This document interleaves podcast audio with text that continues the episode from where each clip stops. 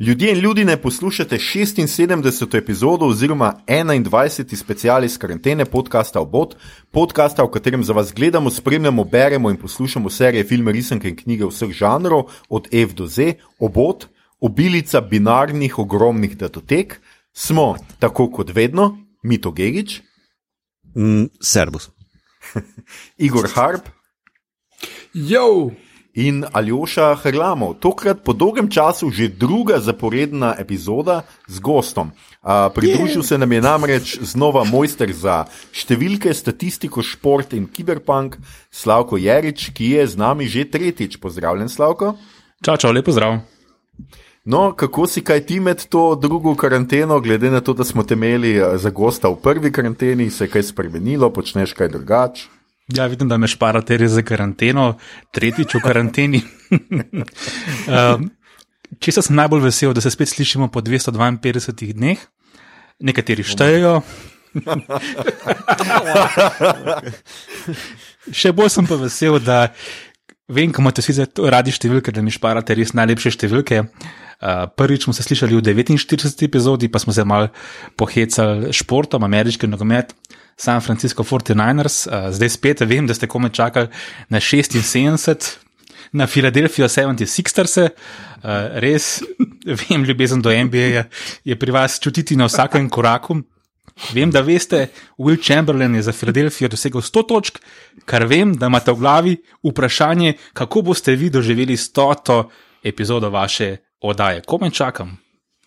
Um, ja, v resnici, v resnici si nas kar presenetil, ker nikoli nismo kaj tuhtali o stoti, ampak uh, sem pa jaz zadnjič hotel zračunati, do katere epizode bomo prišli, če bomo vsak teden do junija. In uh, nisem zračunal, tako da. Mislim, se ni tako težko, no, ampak ni, pol nisem, nekaj sem se zmotil in pol nisem računal.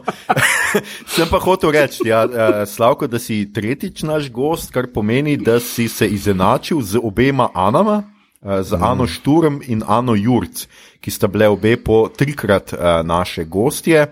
Za tiste, ki vas zanima, pa ki tudi štejete.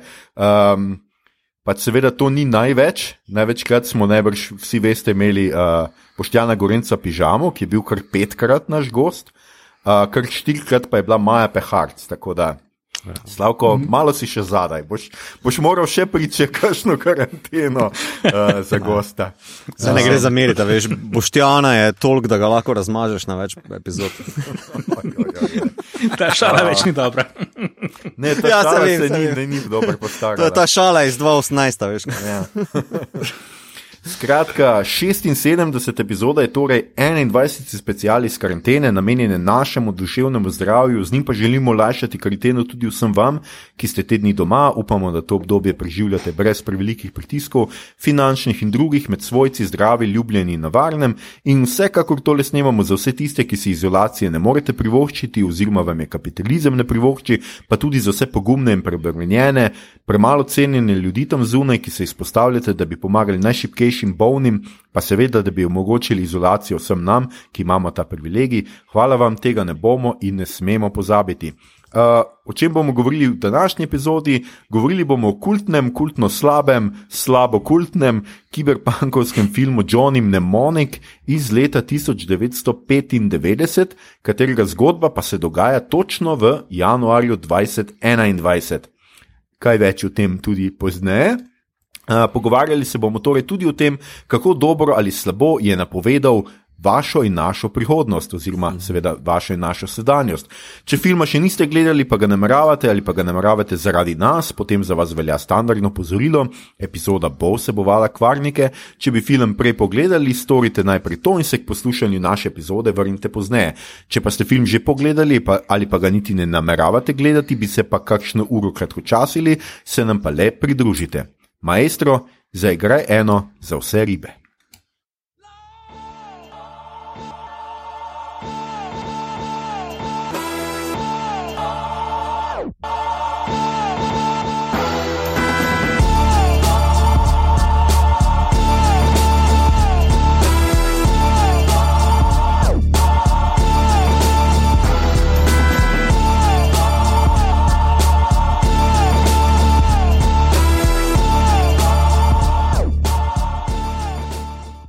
Živijo, mi smo nazaj, to je bil naš intro, to je naš podcast, vse ga poznate, vse veste, kdo smo, vse, se, vse ne rabimo kaj dosti besed zgubljati o tem. Bomo pa mogoče kakšne besede zgubili še o, a, seveda, današnji temi, ki je film Johnny Mnemonik iz leta 95, kot sem že omenil, a, posnet po istoimenski kratki zgodbi Williama Gibsona, ki je bila najprej objavljena v reviji Omni iz 1981, potem pa v kratkoprozni zbirki Burning Chrome. 1986, zbirka ni omenjala uh, Konana, kar je zelo, zelo žalostno. Uh, in pa uh, seveda pa zajema film tudi iz romana Virtual Light, ki je šel leta 1993, se pravi dve leti pred uh, filmom. Režiral ga je Robert Longo, o katerem bomo več tudi kaj povedali kasneje, igrajo pa med drugim Keanu Reeves v naslovni vlogi Ice-T, Takeshi Kitano, Dolph Landgren, Henry Rollins, uh, Udo Kir, um, skratka, kup enih zanimivih in zabavnih uh, igralcev, na tej točki jaz lahko mal neham buliti v scenarij. In uh, Predvsem zdaj vprašam uh, uh, Igorja in Mito za začetek, kako smo mi sploh prišli do tega filma. Igor, to si ti opazil, da se dogaja v letošnjem letu, ali kaj je bila ideja zadaj? Uh, ja, uh, zadeva se dogaja uh, 17. januarja in 17. januarja sem jaz rekel, hej, bi delali Johnny Mnemonik in sta vidva, ki imata pač nek bežen spomin na neke barvite zadeve in tega, da je Keanu pač kul cool, rekla, ja, sure. In pol smo pogledali film in smo rekli, hm, ja, ja, ja. Smo rekli, excellent. Um. Ja, tako nekako. Potem smo pa rekli, ja. da je to kiberpunk in da zato rabimo Slavka Jeriča, ker pač uh, vemo, da je fan kiberpunka in matrice in Keanu Reevesa. A si Slavko ti fan Keanu Reevesa? Da ne da, bom govoril o kakšnih blasfemi. Nad vse, res, nad vse. Uh, fascinanten igralec. Uh, kaj, kaj pa te zdaj? Ja, gled, to je vseeno človek, pa polno. Ne vem, koliko ima on rad ameriški nogomet ali pa šport sploh. Ne, hokej, hokej, hokej, ne hokejaš. Mm. Aha, ja. mim grede hokej. Kanačen, ne hokejaš. Igor, ne, kaj hudiča je hokejaš? Maj jaka na ledu z pakom. Ja. ja, seveda, seveda, tako v Mariboru imenujejo hokej, ker pa ho, igralce hokeja, ker jih pač nimajo. Ne? Oni vejo, samo ja. nogomet igrati in pa so vsi ostali hokejaši. Ne, tudi vse vem, vse vem, da imajo ja. hokej. Maribor, a, a, so to, a so to vrenkizmi? Tam nihče ne govori mariborsko. Na to smo izbrali, to je tudi res. Ja. Na to smo izbrali ta film in um, izbrali uh, uh, Igor je nekaj, vidim, da si tle, mislim, da je bil Igor zapisal nekaj o režiserju, ki je po tem filmu imel bogato in uh, uh, respektabilno kariero, namreč posnel ni več niti enega filma. ja, filma. Ja? Ampak to ni njegov uh, ne, primarni, ni primarni modus operandi. Ne? Uh, primarni modus operandi. Nekdo res gleda vrenka. ja, res ne. Ja, to, to so tvoji ja. zapiski, potem mi to domnevam. Ne, ne, ne, ne, ja. ne to so Igorjevi, to so Igorjevi. Jaz sem ne. samo pogledal. Pa so pa Slavkotovi. No, gliš, ja. Ker je Slavko edini gost od naših gostov, ki piše v zapiske, to je res tako, oziroma v scenarij. Se upravičujem. Ne, vidiš, vidiš ne, ne, ne, to je super. Uh, to je super. Si sicer manj od najbolj pogostih, ampak pišeš pa največ. Saj nekje sem prvi, gledaj, vesel. To, to glih pa še v tvojo sezono, trenutno v ekstremu. Res je. Uh, Ja, ali oša, če mi dovoliš te dve vrstici, ki sem jih res bogato popisal, če Sticker. elaboriram. Ja, moram priznati, tega gospoda prej nisem poznal uh, poimensko, uh, potem sem zasledil, da se primarno ukvarja s fotografijo, da je umetnik in nekako v umetniški želji, viziji, če ta zdaj izjava post-festum drži, da je nameraval posneti nek umetniški film uh, za majhen proračun po drugi milijon dolarjev. Uh, najbrž, to je zdaj to moja interpretacija, je studio za voho potencijalno uspešnico šel all in, uh, 30 milijonov na koncu, uh, stal mm -hmm. celotni izdelek in ja. Sklepam, da so ga povozili predvsej, ker potem več nikoli ni dobil nobene priložnosti, ampak mi to ti kaj več veš, očitno po tem tvojem obrazu.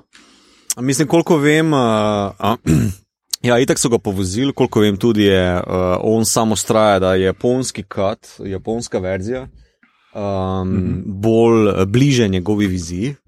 Uh, ne da je zdaj tam več minutaže, ampak ene scene so daljše, več vidiš takiši kitana, ker pač ja, bolj uh, japonski trg, tudi na posterjih se več pojavlja.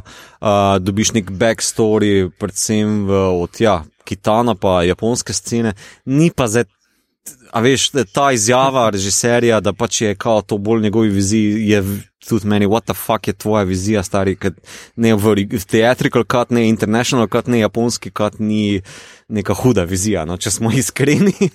um, meni je samo, jaz sem šel gledati njegovo kariero, no, tip je očitno bil kar eh, popularen v 80-ih uh, kot uh, ja, fotograf pa slikar. Uh, čeprav, ko sem pogledal njegov portfolio, mi je, da, meh, mi je skoraj da boljše, da ga nisem videl. No. Um, um, ja, tako nekako, ko sem pogledal film, pa potem kariero režiserja, kako se je zaključila, uh, pa koliko je nadaljeval svojo solo kariero kot umetnik, sem si tako rekel, mogoče je včasih boljše dati umetniku manj keša, zato da ne naredi sranja za več keša. Ker on je, on je sam rekel, um, nismo mogli dobiti uh, milijon pa pol, zato so nam dali 30 milijonov in je naredil to, kar je naredil. mm. um, No, drugače on, eh, kar znana je njegova serija fotografij Men in the Cities, uh, mm. ki je bila med drugim ena od teh uh, fotografij, visi na steni, uh, uh, kaj je že, Amerik ameriškega psiha, ne, tako da mm -hmm. uh, v, -hmm. v tej novi pri, priredbi. Um, ja, no, skratka.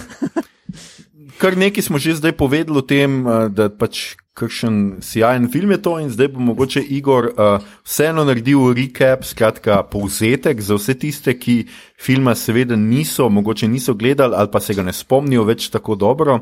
Uh, o čem torej gre tale film, o katerem danes uh, se pogovarjamo, Igor? Uh, ja. Zdaj, Johnny Mnemonic je ena prvih kiberpunkovskih zgodb in tudi film je imel neko idejo, da bi bil revolucionaren na tem področju, sicer dobro desetletje po tem, ko je, je žanr dosegel nek vrhunec v literaturi. Uh, ampak uh, isto leto je ven prišel Ghost in the Shell in uh, to je najboljši cyberpunk film, I guess, in uh, Mnemonik ne pride blizu. Ma eno par idej, ki so izvirajo iz zgodbe, ki so zanimive in to je pač tale human-machine interface.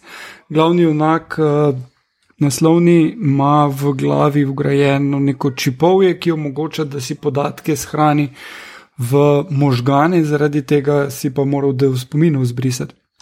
Uh, in to je en tak zelo um, hardcore, osnovni uh, cyberpunk koncept. Zdaj, seveda, se je zgodba potem uh, dost kriminalka, tu se zalomi. Uh, podatke, ki jih ima on, jih ne more več ven dobiti, nekdo ga proba ubiti zaradi teh podatkov. Uh, v uh, kratki zgodbi, ki je uh, pač literarna uh, predloga, je zelo pač preprosta štorija. On gre, uh, proba dobiti tega svojega dilerja, Rafija, pride morilec, ubije Rafija, on pa Moli, ki je njegova bodyguard, ki jo je glih kar najel, uh, bežita in potem ju um, morilec lovi in na koncu Moli ubije morilca med low-teki, ki so zelo tak, uh, pogled v te njihovo subkulturo je prav fascinanten. Zdaj tukaj je pa pač, kot rečeno, teh 30 milijonov. Ne, prineslo, da mora biti zgodba epska in mhm. mora biti reševanje sveta not, in uh, sicer se dogaja potem vse skupaj v neki postapokaliptični, pandemični prihodnosti, uh, in ta, ti podatki v njegovi glavi so zdravilo. Uh, in um, spet pač je morilec za njim, ampak je tako, ne vem, enih 20 jih potem, ki ga lovijo in probejo proč spraviti, uh, preden pride do delfina. Delfin uh, po imenu Jones je pa ena bolj lušnih idej. V, tukaj je ok narejen, mislim, uh mhm. -huh. ampak ne, mi, je, mi je ona interpretacija v knjigi dosti uh mhm. -huh. boljša. Uh, V obeh primerih gre za bivšega marinca, kot rečejo najprej, ki uh, je um, delfin z nadgrajenimi možgani, ki lahko komunicira z ljudmi in bere misli uh, na nek način, oziroma se poveže z implanti v glavi. Uh, s tem, da v uh, zgodbi je on še junki in ga plačujejo s tem, da mu dajo kokain. Heroin. Uh, Heroin. heroin. Ja, heroin. Ja, heroin. Kar je tako res lepa, ono, punk. Mm, čist, čist. Um, no, skratka, uh, film se potem zaključi s tem, da uh, Johnny, pa Jones pomaga Johnnyju dobiti ven podatke, uh, zraven pa je še natlačenih enih 20 elementov, kot to, da je ta love interest, ki nima ta nobene kemije, kot to, da je ena ženska, ki je uploadana v mašino in straši ljudi naokrog, uh, s tem, da morajo zdravilo pomagati, da je jakuz, šef Jakuze, ki ga igra Takeshi Kitano, ki sploh nima razvitega lika, ampak so računali, če damo Kitano to not, bo to to, pa ni. Uh, pa uh, ne vem, še, še Dolph Langren je seveda mm. kot. Uh, Uh, The Preacher, pa še Henry Rollins. In scene s Henryjem Rollinsom so mi najbolj zanimive, uh -huh. ker do te točke misliš, da Kjano ne zna igrati. Pol pa ste skupaj s Henryjem, fucking Rollinsom in ja, Kjano ni tako slab. Ne, No, pa meni, meni je bil, ja, meni je meni bil čisto cool. ok. Ja. Ja, meni je bil cool. Just Johnny, naprimer, ta, ti, ti dialogi so bili takrat najbolj dinamični, se mi zdi, med njim in Johnnyjem, uh, ker vsi ostali so bili res Ja. jeseni. No. Um, Če smo že pri tem. Mislim, tak, da Rolling se meni čist uh, ok odšpil. Ja, pa še dober komat je naredil za film. Ja, ja. Se, se mi zdi, veš, taki, taki feeling sem rekel, je ona scena v uh, bolnišnici na železniški postaji, ki ga pričer uh, zakolje, ne? da on krik, mm -hmm. da tisti nek, uh, veš, ka hardcore punk krik, da so ga samo zaradi tega najeli, kao, ja, in samo enega, Ja, ki ja, bo znal ja. kričati stari. Pa očala, moram. Ja, ja, pa to je. Ja, ker doktor mora imeti očala, veš. Ja, no, ne, veš. pol zgleda, kot en intelektualc, ja, valjda. Ne? ja, sej. Mislim. Samo poglejmo se vsi v špegel. No, res. Dobro, jaz imam edini fake špegle, ne? jaz, sem, jaz imam te blue light brokerje, vi ste, vi ste invalidi. No, Ja. okej. Ja, gledaj, mi ne fejkamo, no, za razliko od A ja, ja. nekaterih. Ja, To, to uh, z očali je en znanih Gibsonovih uh, citatov in sicer, da pač, ja, kdaj bomo imeli te neke implante, brain in karkoli, ne? da se ni to nič tako neverjetnega. On je praktično, kratko viden toliko, da je praktično slep, ampak z očali ali pa z lečami, ki so basically enhancement mm -hmm, človeka, mm -hmm. pa lahko čist normalno vidi. Ne?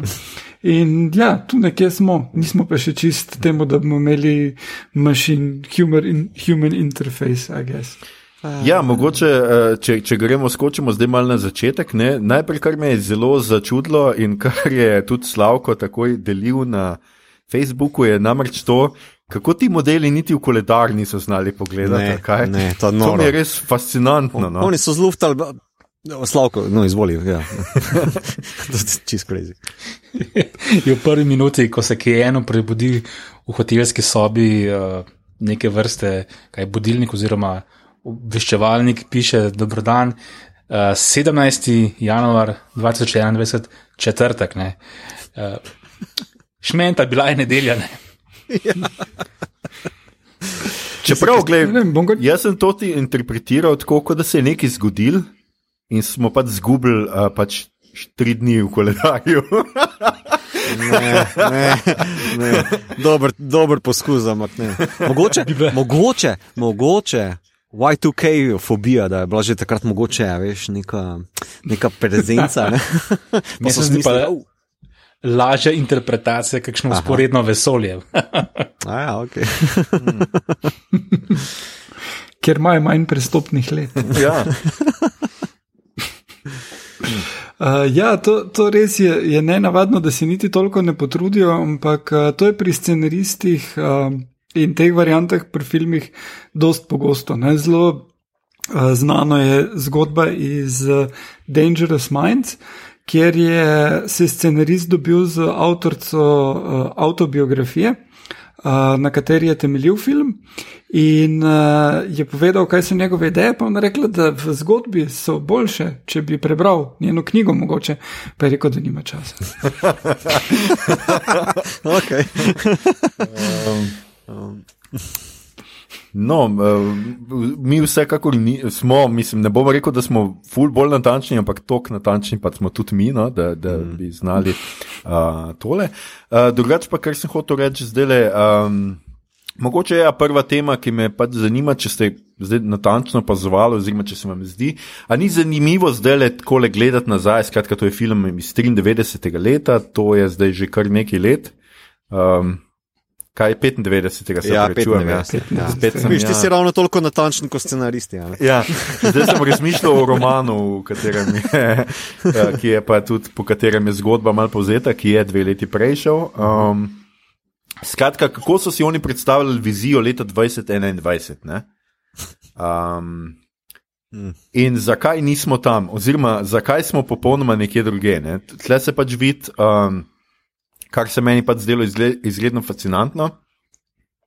Kako je pač z nekaterimi stvarmi, seveda, um, so kao predaleč, ne, ne na zadnje virtualna realnost uh, še ni tako prisotna, ne, da, bi, da, bi jo, da bi jo uh, vsak dan uporabljali že s tem, da gremo na, na internet, ne, da bi jo pri tem uporabljali. Tudi internet ne zgleda kot ena. Uh, zračna avtocesta, kako bi človek rekel, Ja, zračna recimo, ja. cesta, neko lebdenje, ampak zgleda zelo tekstovno, še vedno. Ne? Meni se je zdelo izredno fascinantno, da tam internet zgleda zelo, zelo slikovno, zelo likovno, ne? zelo zgleda pač tako predmeti, neki 3D predmeti, ki letijo, medtem ko imamo mi še internet vedno uh, tekste. Uh, po drugi strani so pa seveda popolnoma zgrešili, recimo z. Uh, S tem, da imajo tam CD-ji, ki so ma majhne, ne, ker pač takrat se mi je zdelo, da CD-ji še vedno bojo, ampak bodo pa full majhni, ne, sploh jih ne bo več. Uh, in pa zelo zanimivo se mi je zdelo, ker sem tudi jaz delal, ker sem gledal. Um, Ko sem gledal znova po ne vem koliko letih ta film, mislim, da sem ga samo enkrat gledal v Lifeu, uh, ko on reče: Give me the iPhone. In sem bil tako, kaj? Kaj za vraga iPhone? A seveda Tudi pol jaz sem v luft skočil. ja. Ja, pa se seveda izkaže, da gre za AI kot oko, telefon za oko, oziroma pač to napravo, vizir, ja. ki se ga on da nauči. Um, kar je bolj Google Glass, no, da je reči tako. Um, in to, eh, pa še eno stvar, to je tudi, sem čekiral. Um, očitno se Kijanu, mislim, da iz uh, Tokija v Newark pelje s Concordom. No, te so upokojili leta dva, 2003, tako da uh, tudi tega ni več. Je še kdo kaj takega opazil, razen seveda, da uh, korporacije nam sicer vladajo, to, to, sta, to sta kar zadela, uh, to je kar zadev film, uh, seveda se vlada pandemija tudi pri nas, tudi to je zadev, čeprav ne pač o čem bo ta pandemija. Uh, čeprav ta pandemija je nek strah pred tehnologijo, jo poganja, oziroma tako nekako, mogoče mm -hmm. več o tem pol, in pa zadev, uh, uh, a ja, ni pa zadev Jakus, no. Žal, a, mislim, žal. uh, se opravičujem, se opravičujem. Uh, pač, uh, Jakuze nam ne vladajo in to ni žal, uh, se opravičujem. Ja, uh, ne, par mesecev nazaj sem celo bral članek o tem, kako Jakuza dejansko propada, ker Kaj? ni več Ne. poklic perspektiven. Uh, ne najdeš več ljudi, ki bi bili pripravljeni iti pri 30 za 10 let v zapor za svojega šefa, uh -huh. ker menijo, da lahko desetletje boljš preživiš, pa tudi če ni tako fulčastno, pa da tek pol ni nujno kriminala furat in ful ni več denarja v tem. Uh, ampak uh, ne, mislim, kriminalne združbe, m, ki delujejo na tak način. Za korporacije so pač druge korporacije. Se imaš pač, ne vem, Blackwater uh, in, in podobne, ki zdaj ne bodo delovale, mogoče tako odprto v, v nekih na zahodu, ampak ko pa je treba zatreti upor proti naftnemu črpališču v Kongu, pa hmm. Se da kak drugače zrihtati. Ja. Ja. Mislim, zelo dost je znanega o, o takih stvarih, bilo pa mislim, da ni zdaj čist um, iztrte izvito. Apropo Jakuze, a ne, Igor, eh, ti, ki si za diplomsko prevajal Johnnyja, ne, eh, neko nalogo imel, eh, se ne vem. Um, A ni v predlogi, da so jakuze v bistvu konkurenca multikorporacijam, da kradejo tem farmakomu, pa tako naprej, medtem ko v filmu je pa mm -hmm. kontrast, da so oni njihovi podnajemniki, da izvajajo te dirty business uh, fore. Ne? Ja, ja, ja. Jakuze so ena od korporacij in so večje tega. Je pa bilo ena fascinacija pri kiberpunkerjih v Snow Crashu od uh, Nila Stevensona. Je tudi odlična knjiga. Uh, Máš tudi uh, sceno, kjer uh, da, da pač so korporacije in kriminalne združbe. Uh -huh. In oni si razdelijo pač, uh, vse skupaj, in glavni junak dela za mafijo, kar pač Mm -hmm. Mislim, ima neki pizza place, ampak mm -hmm. je v sklopu korporacije mafija. Uh, Tako da imeli so eno to fascinacijo z organiziranim kriminalom, ki je zelo uh, upet v, v vse pore družbe, kar mislim pa, da je izhajalo iz enega teh poznih 70-ih, pa zgodnih 80-ih, ki mislim, da, da je bilo v ZDA to dost uh, povezano. No. Ja, pa tudi um, ne vem, če bi zdaj že v letu z mojim scenarističnim prispevkom tukaj ne, o tehnoorientalizmu, pa ameriški ekonomski fobiji v 80-ih. Uh, mislim, da je Gibson nekako skušal kanalizirati ne, um, te japonsko ekonomsko moč skozi cyberpunk in mm -hmm. ves ta orientalizem, ki se v cyberpunku vizualno pojavlja, ne, pa vsi ti bad guys so nostop jakuze ali pa neke megakorporacije. Uh, je um, zanimivo zastavljeno v tem smislu, da kao Gibson tudi govori, da so to neke štiri družine, štiri velike korporacije, ki so uh, v času Jap japonskega imperija, torej druge svetovne vojne, obvladovale industrijo, vojaško industrijo in so potem mhm. nadaljevale svojo ekonomsko moč onkraj tega še naprej. Ne. Se mi zdi, da v bistvu on nadaljuje neki ta koncept. Uh, naprej, ne vedno govori o nekih velikih uh, teh združbah, ne, ki pa imajo seveda neko mafijsko, zločinsko, vojaško ali pa veš neko tako na pol zlobno zaledje. No. Um, da to je to ja, ja. DNK cyberpunka. Ne. Ja, ja, eh, Gibson ima vedno to v neuromantu, recimo so te si reš pul. Uh, družina in korporacija, in uh, zelo kot neki Rockefellerji ali uh -huh. pa tele uh, uh, pač družinske korporacije, mm -hmm. kako sem že rekel, Robert Barons, mm -hmm. um, uh, ameriški. Tukaj bi še samo eno vprašanje, da zdaj film vemo, ne? torej zaključi se tako, pa tako, pa obnovo smo dali za skozi. Ne? Je pa ta mm -hmm. zgodba del um, Gibsonovega uh, trilogije. Ne? Um. Uh, zgodba je Jason Tony naredil, prva njegova trilogija, uh, so Neuromant, uh, uh, Count Zero, pa Mona Lisa Overdrive in še par kratkih zgodb, ki se dogajajo ob teh. In Johnny Mnemonik je v bistvu prva, ki um, tu v filmu je Jane. Punca, uh -huh. uh, v knjigi, v zgodbi je pa Molly uh -huh. Millions in ona je pa uh, glavna junakinja, potem, oziroma so glavna junakinja v uh, Neuromantu in v Mona Lisa Overdrive. Uh, in v Neuromantu tudi razloži zgodbo, kako se je potem končalo z Johnnyjem in konča se tako, da en dan pač pride eno od Jakuze, pa John je ni več. Ja, se, uh, mislim, ja. da je to tudi uh, pač mini trivija, ne, da pač zakaj ni isti lik kot iz mini, iz kratke zgodbe, torej moli, ne, ker pač eh, pravice so mhm. bile um, nedorečene, ne, so reši izumili novo ime, pa nov lik, ki je sicer ja. zgrajen, ampak ker je bila v drugih zgodbah, ne, niso imeli spucan. Ja, v bistvu on je enemu drugemu studiu prodal pravice za neuromanta kot tega in potem, ne vem, shared universe. Universe ni šlo čist. Takrat to ni bilo mm -hmm. thing. In uh, so nov lik izumili, ki je full bolj le. Uh, ja, predvsej. Ampak ja, ja. zaenkrat imamo to. Mm. Um, zdaj pa slavko, tudi imamo še malo do besede, spustiti samo mi dva zmito. Sorry, sorry. Uh, Slavko, dej, uh, kaj, kaj pa ti meniš o tem, kako so zadeli 20, uh, 21, 17. januar, če že pač smo imeli uh, ne, četrtek na nedeljo. Mm.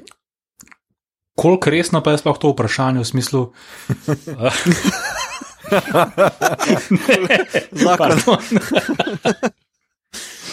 Koliko resno so ustvarjalci sploh imeli namen zadeti? Jaz nisem imel tega občutka, pač bolj neka bolj odnosi, kot pa kaj bo pa zdaj 2021 potekalo. Zato se niti nisem preveč s tem vprašanjem ukvarjal, moram, moram priznati. Mislim, če se bi se lahko samo na Ljošo deset minut nazaj navezal, uh -huh. ki je omenil podobo interneta. Uh -huh. uh, uh, jaz mislim, da so tukaj, ki smo prej, zato ker smo ravno vsi omenjali, uh, relativno velik finančni vložek. Ne.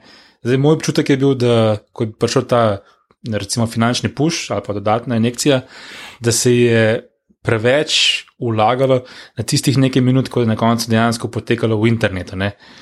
Kot da je bil tisti kot da je bil tisti, ne vem, tisti prizori, ne vem, kako to res je finančno bilo takrat zahtevno, ampak kako so se stavili, da bodo tiste minute naredile nek wow efekt. No? Ampak zdaj, če mm. pogledaš iz vidika ne 30 let, ampak 10, 5 let, ne, je to ula, ulala, ulala, grozno za pogled. Pa mm. nisem imel to na meni. Zakaj se to spomnim? Zdaj, ko smo rekli 95, glih te dni z otroci gledamo eh, Lego Jurski park, Lego Jurski svet. Ne? In pa, ki jim govorim, kaj bo leta 93, ne? in ko vidiš tiste dinozaure, ne? Ja, še zdaj delujejo prepričljivo. Recimo. Okay, yep. Pa verjamem, ja. verjam, da bo takrat faktor uložka še neprimerno večji. Ne? Evo, en mm. tak mimo mm. med. Mm, mm. Ja, ja, ne. Uh... Tale vizualno podobo virtualnega sveta gradi na Lonmormenu uh, in Tronu deloma. Uh, zdaj, pri čemer je Tron, ki je, mislim, da iz 86. ali pa 83. ali nekaj takega, dejansko zgleda boljš. Cela tista stilizacija in, in zelo fantazijsko na, nastavljen koncept tistega virtualnega sveta je ful bolj napreden kot pri Johnnyju. Johnny v bistvu vzame ene osnove iz Londona, uh, pa nekako proba. Ne? Zdaj, uh, kot so stvari opisane v Gibsonovih zgodbah, je zadeva tu nekje. Samo da, ko jih vidiš napisane na papirju, je dejansko imaš občutek, da je to kul. Cool. Medtem ko tukaj, ko potem vidiš, pa je tako, ja. Mm pa že takrat, ko je prišel film ven. Ne, mm. In tudi Lon Moore, meni, ko je mm. prišel ven, je bilo to tako. Tak, in tudi, kar se tiče animacije, ko si jih omenil 95, je tudi Toy Story prišel ven. Toy Story probat gledati z otroci, pa ni. Ne. Mm. Mislim, ne vem, si probal. Ne, ne. Bo pri tem ostalo? Zaenkrat, ja, mislim, da ne. uh, Ne, mislim, te novejši filmi je ful boljša animacija, ampak tisti prvi, ki je bil revolucionaren za tiste čase, pa ne, se ni postaral. Mhm. Čist uh, v redu. Sam, čist kot zgodovinskega uh, spomina imam, da ko mi neš to istorijo, ena, da je bil kritično, da je bil pa to kar tako huge uspeh, ni bil.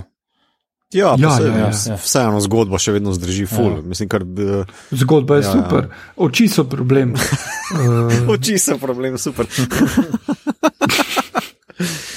Um, že vidim tam zadaj, si ali še se ja, ja, itak, itak, Igor, oči se ja, Igor, pazi, kaj govoriš. uh, no, jaz sem hotel sem reči, jaz sem nekje pač na netu staknil, ne, da je to, ti prizori interneta, ki, o katerih smo pravko govorili, so prvi celo zaslonski 35 mm efekti, mm -hmm. ki so mhm. narejeni z IBM-u kompatibilno strojno opremo. Kaj mm -hmm. hudiča to pomeni, jaz ne vem, ampak skratka gre za. Veš, kaj Domnevam, to pomeni? Da je pa nekaj denarja bilo vendarle v tem notrno. Veš, kaj to pomeni?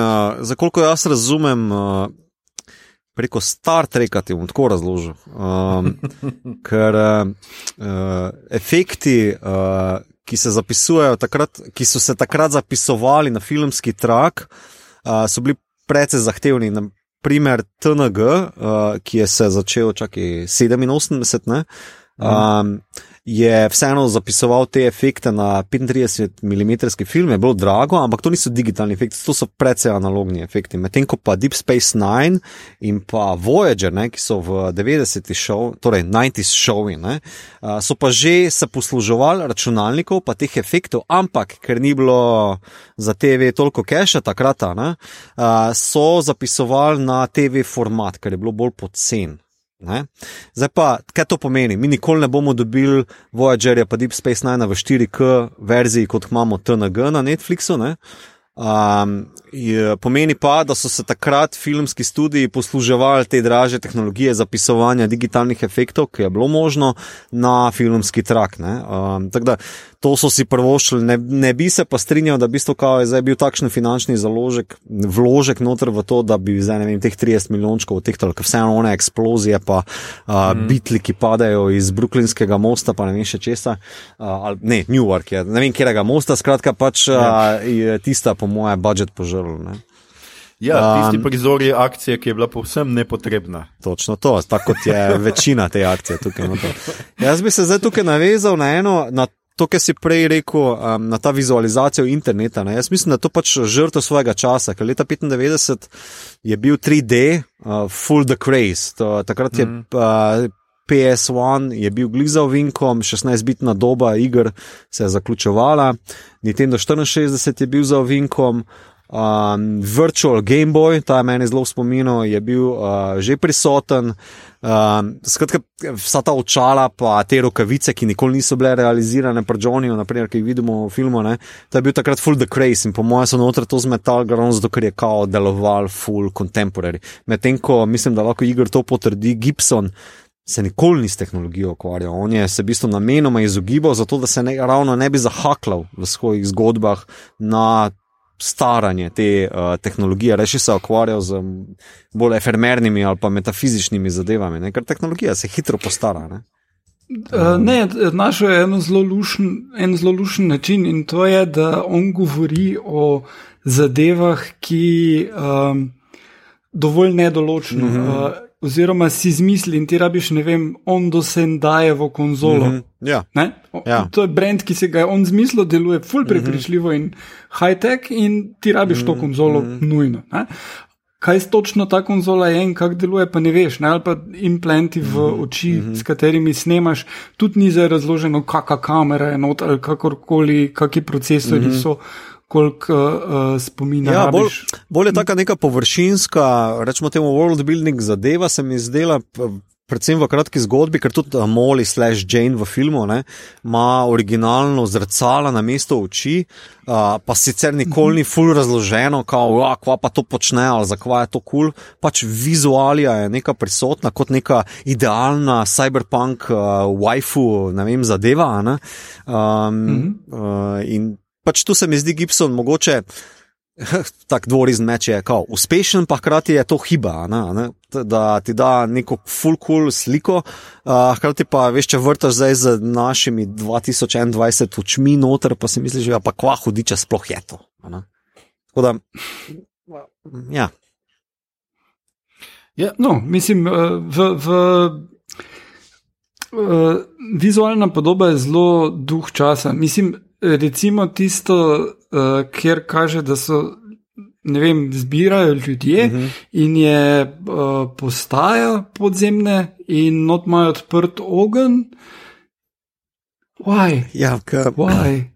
Ka, Mislim, ful bi bilo zakajeno in zadimljeno v realnosti. ja. Ampak pač si imel to neko idejo, da postapokaliptično ali kakorkoli moraš imeti ta odprt ogen, tudi če si nov. Ja, kaj je bolj low-tech od ognja? Ja. Ogen, ogen je primarna tehnologija. Ne? Ampak low-techi nimajo ognja, tega imajo oni doli na tleh. Ja, low-techi imajo high-tech še. Ja, ampak veš, če iščeš zdaj vizualni komparativ, uh, nekaj najbolj low-tech možno za Homo sapiensa je ogen. Ne, veš, mislim, tak, da ta, ja, ja. ta simbol uh, ful dobro dela. No? Se pa strinjam, ja, to bi bilo zakajeno 3PM, razen če imaš full hood, uh, kot bi temu štajrci rekli, uh, durhcuka. Um. ja, absolutno, vse po pandemiji so ga uvedli, se to so pač pametni. no, skratka, hotel sem še dve stvari reči, ja, o tej prihodnosti, pa o tem. Um, sem pa bral, uh, recimo, to zanimivo vest, da uh, te rokavice, ki jih on uporablja, skratka, za manipuliranje v, v internetu oziroma z računalnikom, so pa edino šele, šele minority reporti uvedli pač neko podobno. Vmes so vsi filmi pač to, vsi eh, znanstveno fantastični filmi pač to nekako niso v to posegali, pri minority reportu pa imamo spet to, da on uh, počne te stvari. Uh, Skratka, z rokami. Uh, to sem hotel, druga stvar pa ja, ki se mi je pa zdela zelo zanimiva z stališča letošnjega leta, je pa seveda ta um, bolezen, NES, Nerve Attenuation Syndrome, uh -huh. ki uh, po besedah uh, Rollinsa um, ga povzročajo all the electronics around you poisoning the airwaves. Skratka.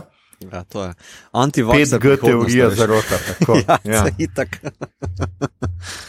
Um, tako da mogoče ta film ni glih primeren za širše publike, dan danes več. Ja, odvisno, koliko paranoičen si. um, ja, meni se zdi, da v bistvu ja, zadane um, to paranojo, to strah, uh, ampak ves cyberpunk se okrog tega vrtine, ta stik z nečim umetno narejenim, ki, ki prodira vate, ne, da, ali pa se naseli vate, ali pa se pogovarja s tabo. Uh, tako da um, v tem je zelo kontemporarni. Se tudi v bistvu. Uh, zdaj, kratka zgodbica je, po moje, najbolj močna v world buildingu. Tudi Gibson je tako, po moje, naredil zase, ne, uh, da, si zač, da si je začel graditi ta uh, neuromant prequel, da tako rečem, uh, ta svet, da si je začel graditi. Um, škoda je edino, da pač ta film, uh, veste, uh, ta world building sicer zgradi, ampak uh, mogoče postavi malo preveč na neke protipole. Um, Uh, ne vem, neke Azije, uh, torej tehno-orientalizma, pa low-tech, uh, uh, propadlega individualizma Amerike, ne, uh, to imam jaz celo teorijo, ne bom zdaj tu nakladal.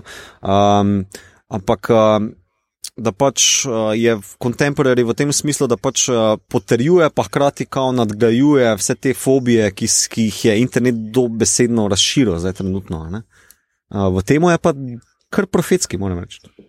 Uh -huh.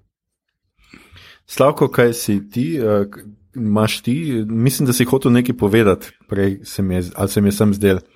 Ali te mi to, da te mi to prekino. A, a, jaz, a jaz ful prekinjujem danes, ne vem, vozim folk. mi to je. Sorry, sorry, pre... kar prekinite, me se to lahko režemo.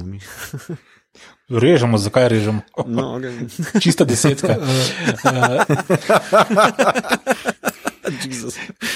It's Jesus time. Ja. Jesus time, evo, to vprašanje. Evo.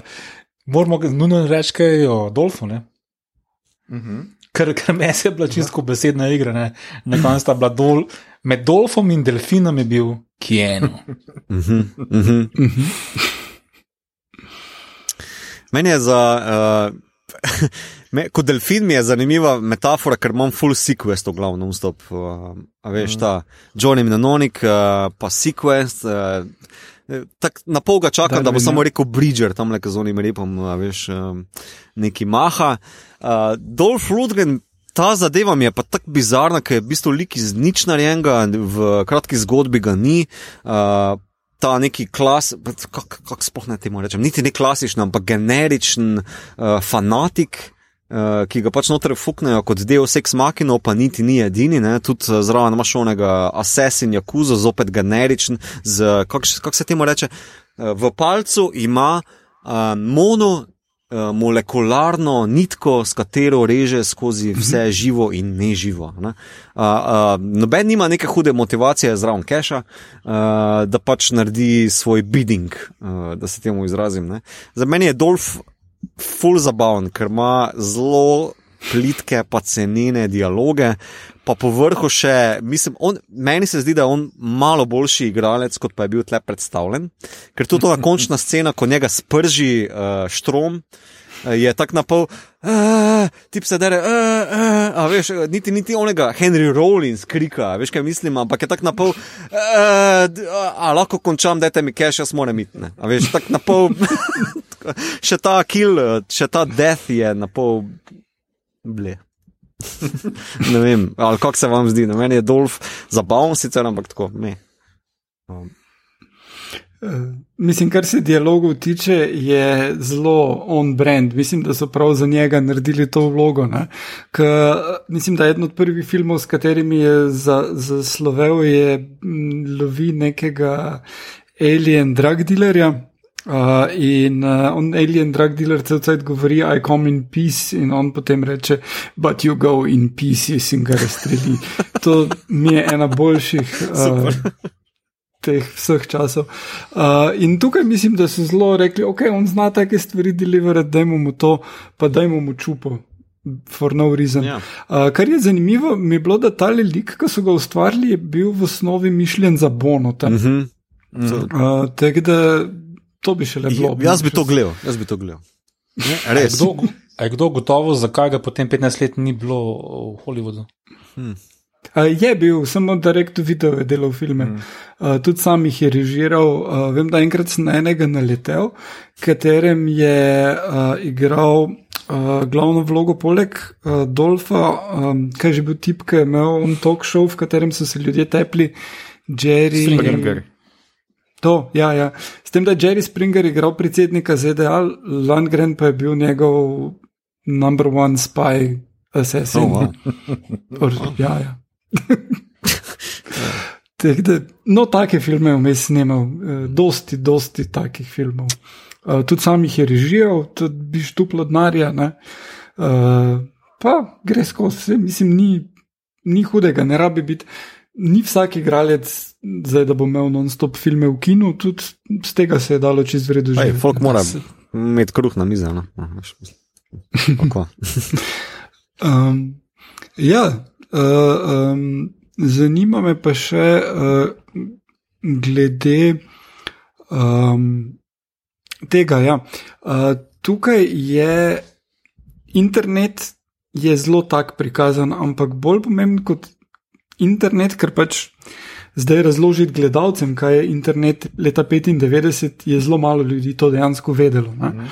Uh, sploh razumelo koncept ali ga poznalo. Poznali so pa vsi TV. In uh, povsod so TV, TV zasloni tam okrog uh, low-techov, vse vam pošljajo po TV-jih, v končni fazi ljudem se zdravilo prikaže na TV-ju, tako rekoč. ne. Uh, Z začetku 90-ih je bila ta fascinacija z močjo televizije zelo močna, uh -huh. tudi YouTube Mhm. ki so frendi od Gibsona, so imeli cel ZUTV tour in, in uh, te stvari furali. Um, Videodrom od uh, uh, Kronenberga je tudi imel tale body horror s TV-jem, pa z videom povezan. Um, Slavko, ti si človek teleteksta v osnovi. ne? Uh, kako si uh, ti na tale TV gledal analogni tukaj v tej uh, uh, podobi? V tem filmu. Uh -huh. Uh, osvo, osvobojujoče. ne, ampak uh, a hočeš kot kritiko povedati, da v resnici televizija izgublja moč, ali to hočeš povedati v resnici? Uh, Danes, recimo. Jaz imam, jaz imam mnenje, da televizija izgublja moč in je irrelevantna že od leta ne vem, 2000. Dve, uh, ampak uh, sem bil se, presenečen, da se to ni zgodilo. Da, uh, mislim, da televizija še vedno ima uh, realno gledano moč in da je ne iz, izgublja. Uh. A ti povem dve anekdoti, čist kratki. ja. Res čist kratki, pa tudi Loša bo posledično vmes upleten, ne hote. Uh, Zelo nehote, ker noč ne vem o tem. Ne, zanimivo je, recimo, čisto ena osebna izkušnja. Recimo, da sem v življenju, pa okroglo govorim, napisal 2000 člankov, pa da sem se 20 krat pojavil na, na televiziji, okroglo povem, ne, razmerje. Kadar se pojavim na televiziji, vsaka tetka iz domače vasi pove, o si bil na televiziji, ko naredim ne vem, mm -hmm. intervju, na katerega sem ponosen, recimo enkrat na leto, boh ne ve, da sem ga napisal. Recimo. Ena, druga, ki je pa povezana z Aljošom, je pa slučajno, slučajno te dni berem dve knjigi o pomenu oziroma stanju knjige v današnjem času, koliko se prodaja, koliko se ne prodaja.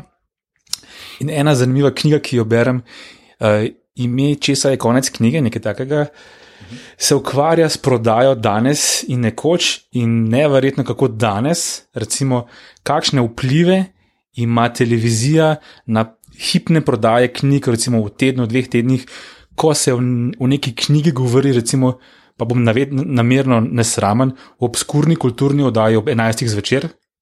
kjer vemo, kakšna je gledanost, da ima to res kar velik vpliv, da se ta knjiga potem pušne in se prodaja zelo, zelo, zelo. Torej, evo, dve taki čist banalni anekdoti o pomenu televizije. Aljoša, se strinjaš s tem? Ja, ja seveda, Slavka ima seveda prav, zdaj vprašanje je tukaj mal sicer. Ja. Eh, Ni Slovenija specifična, so pa kupci, eh, slo, kupci knjig v Sloveniji specifični, večinoma so gre za starejše um, ljudi, ki pač imajo to vrednoto, mlajši mogoče ali zgubljajo ali pa nimajo denarja. Ne? Uh, to dvoje je neka mešanca.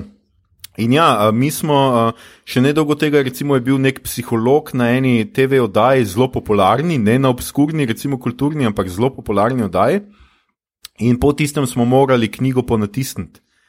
Predtem se je že do, dobesedno ustavila prodaja, skratka, prodala se je mogoče ena na mesec, dva, zato ker je knjiga bila takrat stara že ne vem, dve, tri leta. Po tistem mm -hmm. pa je bila knjiga v nekaj dneh razgrabljena in zdaj tudi ponatis, pač eh, od takrat naprej ponatis pač se kar veselo prodaja. Ne? Tako da televizija ima pri nas še vedno neizmerno moč. Predvsej večjo, recimo, je res, da to malo teže merimo, ampak predvsej večje kot recimo splet. To, da nek influencer objavi neko uh, knjigo, pa je lahko ima ne vem koliko tisoč sledilcev, se še ni prevedlo v nakup knjige, kot se je recimo tako av- avtomatsko res prevede uh, to, da, ma, da je neka stvar na, v nekem pač popularni oddaji. Recimo, ne. Evo, Igor, samo da, da vrnem nazaj tisto misel, kar si rekel. Ne? Ja. Eh, televizija. Ne? Se mi zdi, da precej filmov v tem žanru. Ne? eh, Pa ne vem, zdaj ni nujno, da je televizija glavni vzrok, ampak gre za neko vizualno predstavitev na velikih eh, stran, platnih, ne vem, televizijskih zaslonih, spomnimo se Blade Runnerja, pa še česa, eh, pa tudi dvojke, ne, ne dvojke, eh, ja, dvojke tudi ne. Mhm. Ja. Uh, tudi ne vizualne podobe zunaj mest, uh, to je ne, ja, del tega ja. žanra, se mi zdi. Ja, ja.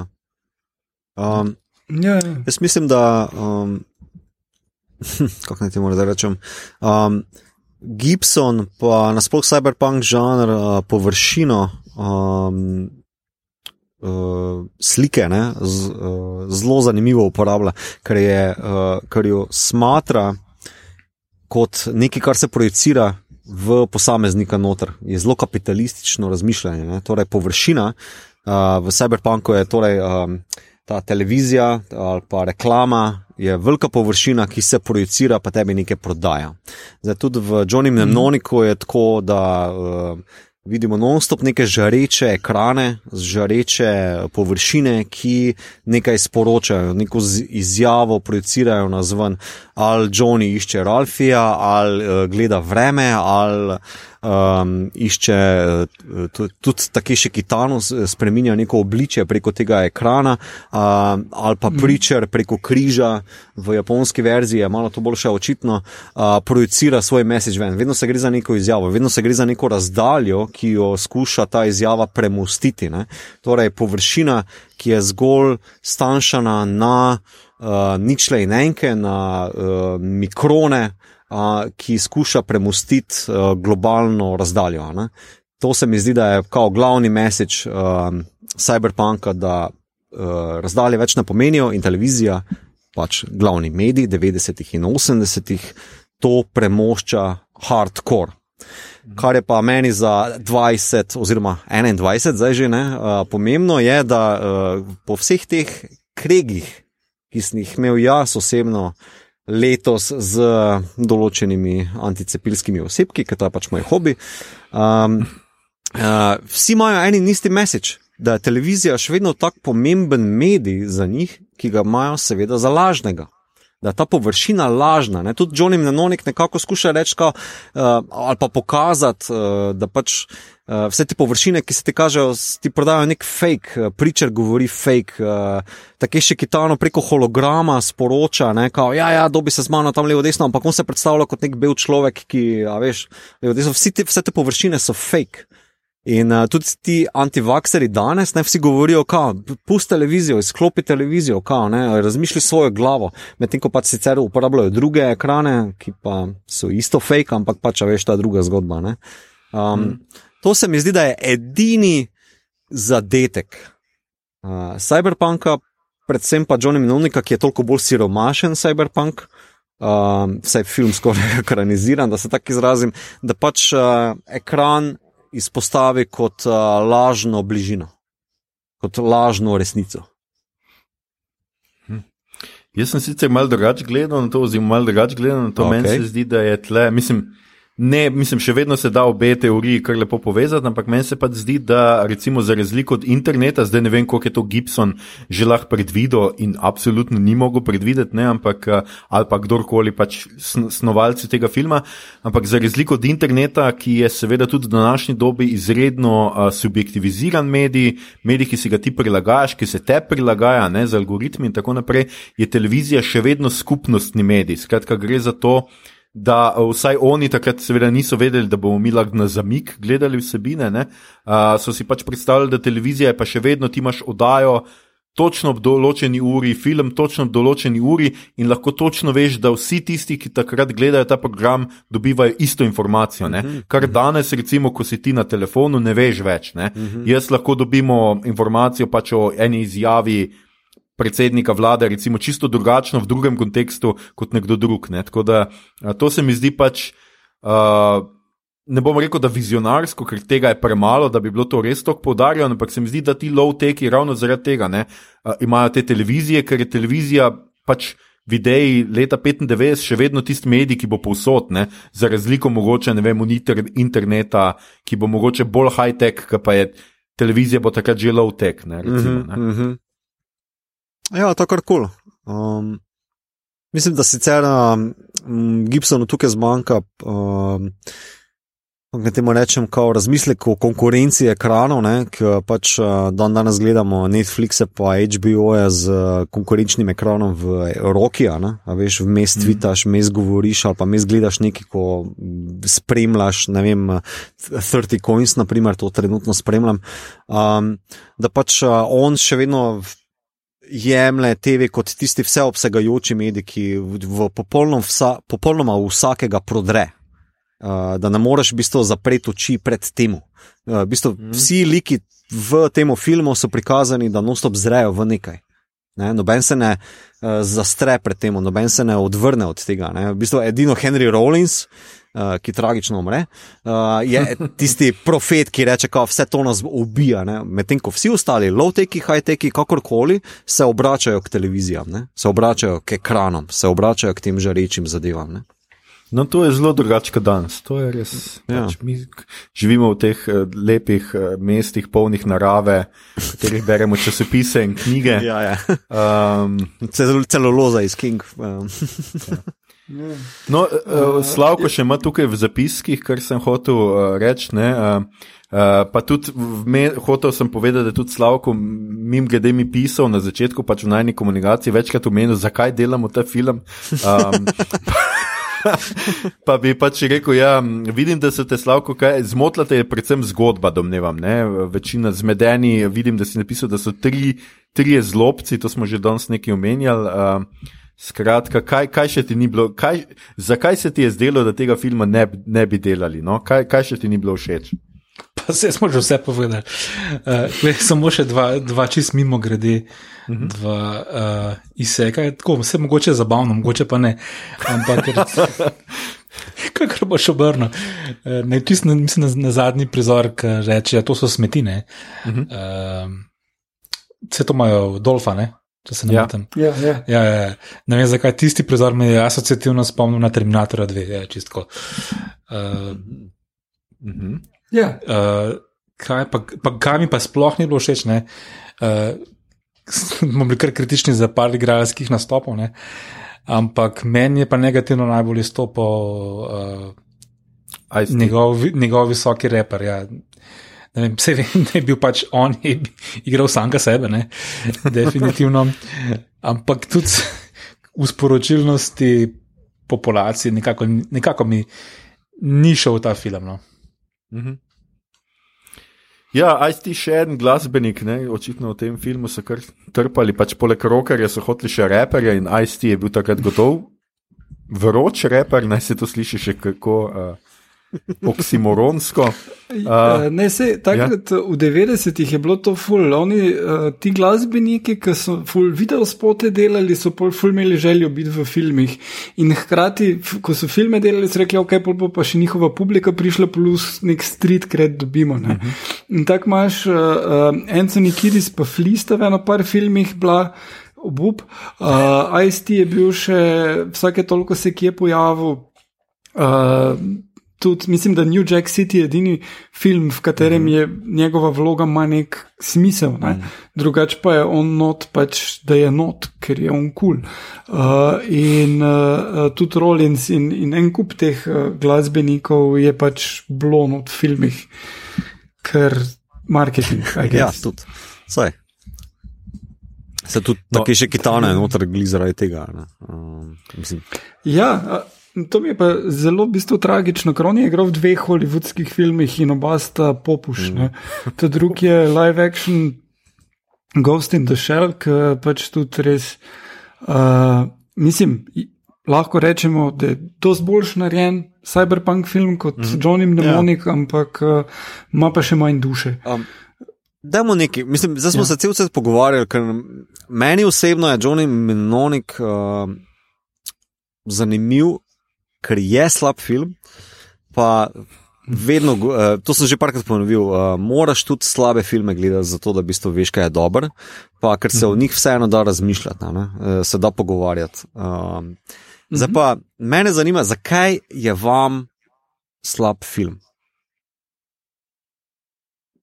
Ajde, ali još, ja, ne, ne vem, prvi. Meni me se sicer zdelo, da smo veste govorili, zakaj je slab film. Le, ne, ja.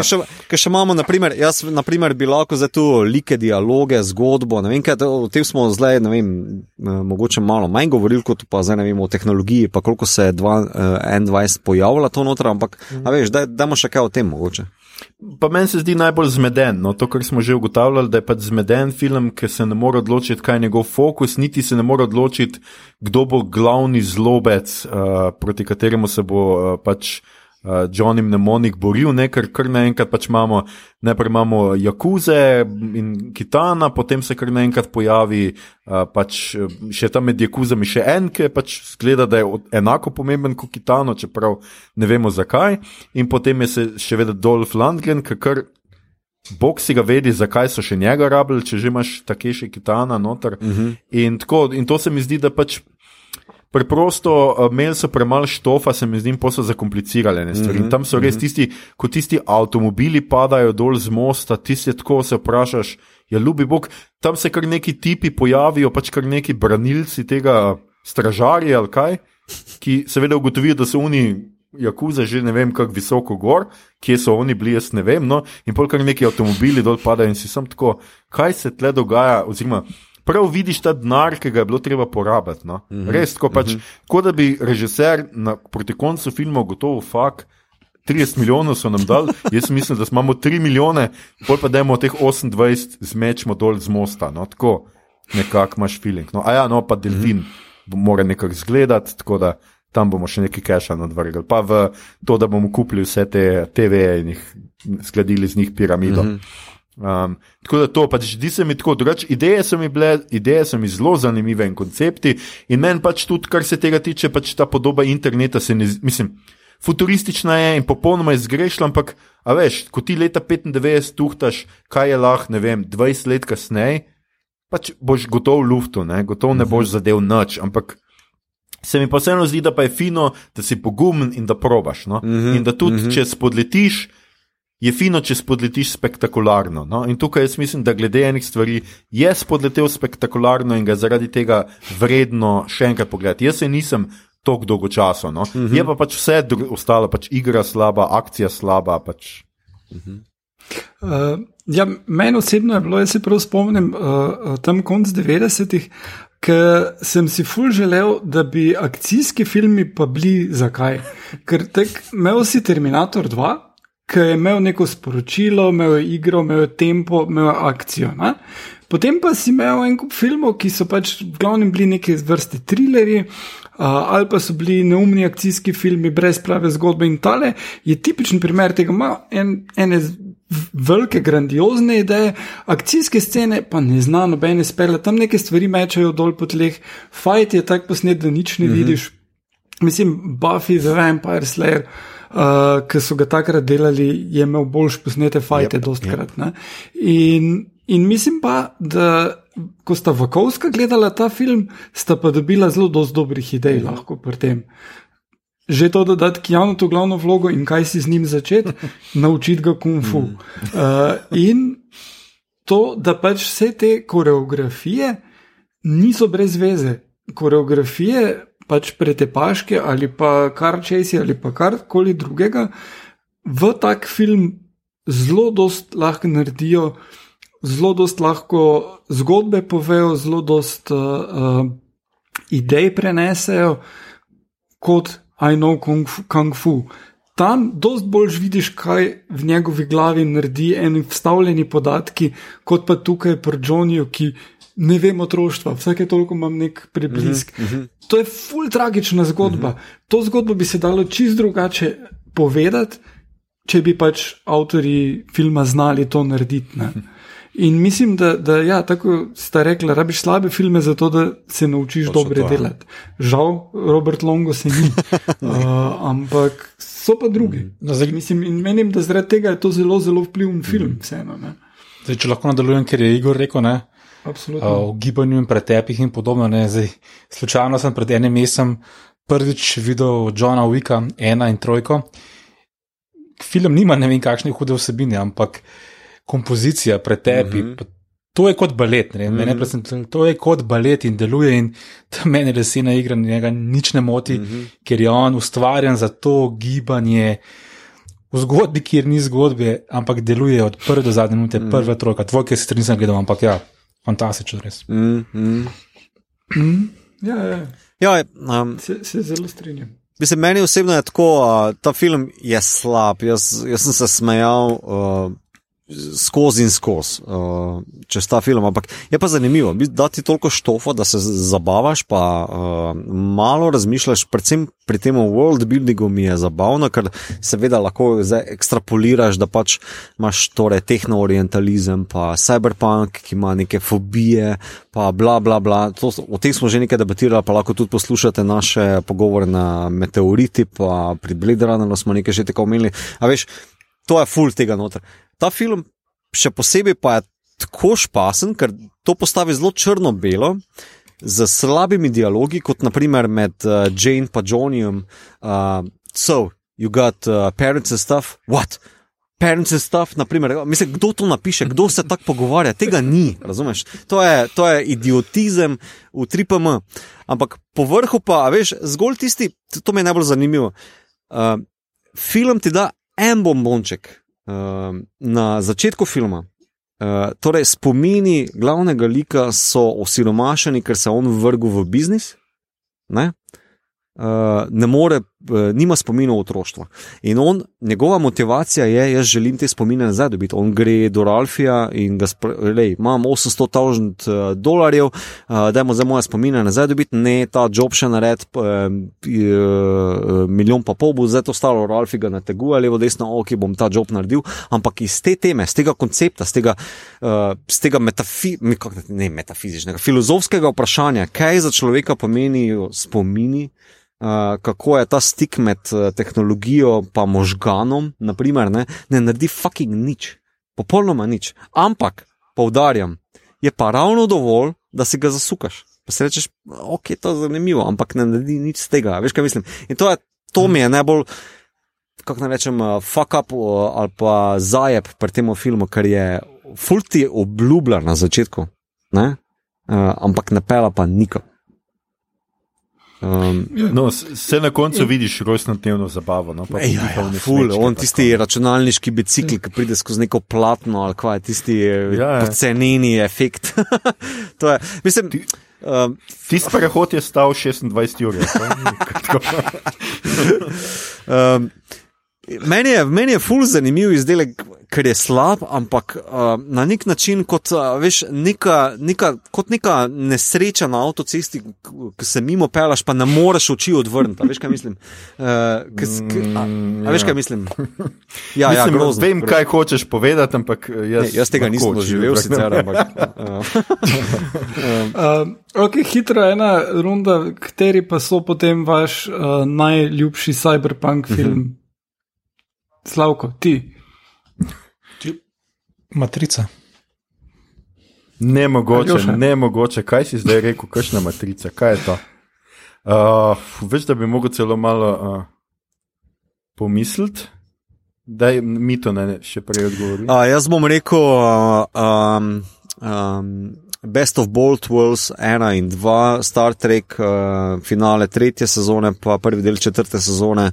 Uh, kar se tiče Cyberpunka, je to najbolj filozofsko zanimivo, pa akcijsko napolnjena vsebina ever. To je TNG. TNG, ali, uh, Konc tretje sezone, prvi del četrte sezone, tu parter je cliffhanger sezone, bla bla te zadeve. Uh, ker Star Trek uh, ima full uh, teh cyberpunkovskih z, uh, zastavkov. In v tem cliffhangeru se najbolj s tem ukvarjam. Ne morem zdaj, ker pač moj kolega agent tle sveže spremlja, ne morem preveč spoilati, ampak um, tisti, ki poslušate, veste, o čem govorim. Evo. No, Igor, kaj je tvoj? Uh, Kronberg Existence, Aha. Zelo wetware uh, zadeva, uh, gaming, um, judlo, vse. Okay. Uh, zelo, zelo dober film, ful ga priporočam. Uh, fajn je, če ne veš, kaj dost, ko ga začneš gledati. Je pa dobro opozoriti, da je Kronenberg, tak, da za ljudi z bolj rahlim želodcem je malo body horora. In je dober. Mm. Evo, No, um, a smem samo tu hitro skočiti nekaj, ali še predn boš ti svojo Na hitro, da je. Ja? na hitro. Samo to me zanima, ker ti si na meteoritinem predavanju, full, eh, to je ena polemika med nama. Ne? Ti govoriš, da nujno za cyberpunk je kibernetski usadki. Ne? Ta film ima to. Ne? Mhm. Ampak nikakor konceptualno ali pa tematsko to ni neka hudo izkoriščeno, zgolj ta time bomb uh, tema je za film spostavljena. Ne? A veš, a se ti zdi, da to doseže za nek eh, minimum ali je, ne vem, pade mimo. Samo tako hitro vprašanje. Pa, pa se so še druge stvari, se je ta prehod v virtualno realnost, pa mešanje virtualne realnosti v realno realnost, se pravi pojav AI-ja, uh -huh. te ženske, pač umetne inteligence, ki je skoraj da nismo omenili, ker v bistvu nekaj omeniti, ker je kar neka deus ex machina, skoraj da dobesedno. Uh -huh. uh, potem ta delfin, ima, ima, imaš kar uh, velik tega. ne. Okej. Zdaj, koliko je dovolj, je vprašanje. No, Okej, pač. A Veš, kaj jaz bi zdaj recimo tudi zbral. Uh, Kot svoj najljubši, glede na to, da ma- mi je matrica itak šla, recimo, da bi pol rekel, da je to uh, Total Recall, uh -huh. uh, ki je tudi pač, tudi ima dejansko. Remake, ne? Je, ne, ne, ne, ne bom si dovolil, tle, niti se hecati z tega, noben remake. Ampak ja, tudi je pač tako, bolj ali manj ta element ne, nekega igranja s tem spominom. In tako. V resnici pa vse ostalo noč ni, ni tako blazno kiberpunkovskega, razen da imajo kakšne vsadke, kot je tretja Joška ali pa kaj podobnega. Se to super. A, A se, a se vam zdi, da če bi mogoče v bistvu ta film si vse pet ali pa deset minut vzel um, lik Johnnyja, ki je itak prenapihnjen iz uh, originala, iz uh, knjižne predloge, uh, da bi vse ta spomin, nekako tako kot je v Total Recallu, uh, bil vzet v ozir preko vrhovnega nasilja, ne, uh, vrhovnega nasilja, da se tako izrazim. Uh, če bi vsaj, uh, a bi bil boljši film?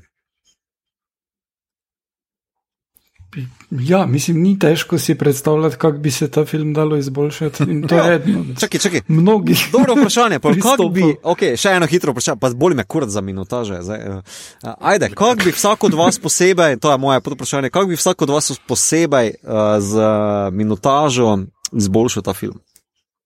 Ker je nekaj tam, ne? Nekaj je tam. No, ali jo še zdaj, zdaj ti začeti. jaz bi sem pač odrezal Dolfa ven, pač, oziroma pač neki, sam en zlobc bi bil, ki bi ga lovil, in vse ostalo bi bilo pač na uh, na likih. No. Okay. Pač zlobca bi mal bolj karikiral, Johnja bi bolj karikiral to žensko, če mu je že treba dati zraven. Čeprav mislim, da tudi njeni ne bi bilo treba, ne?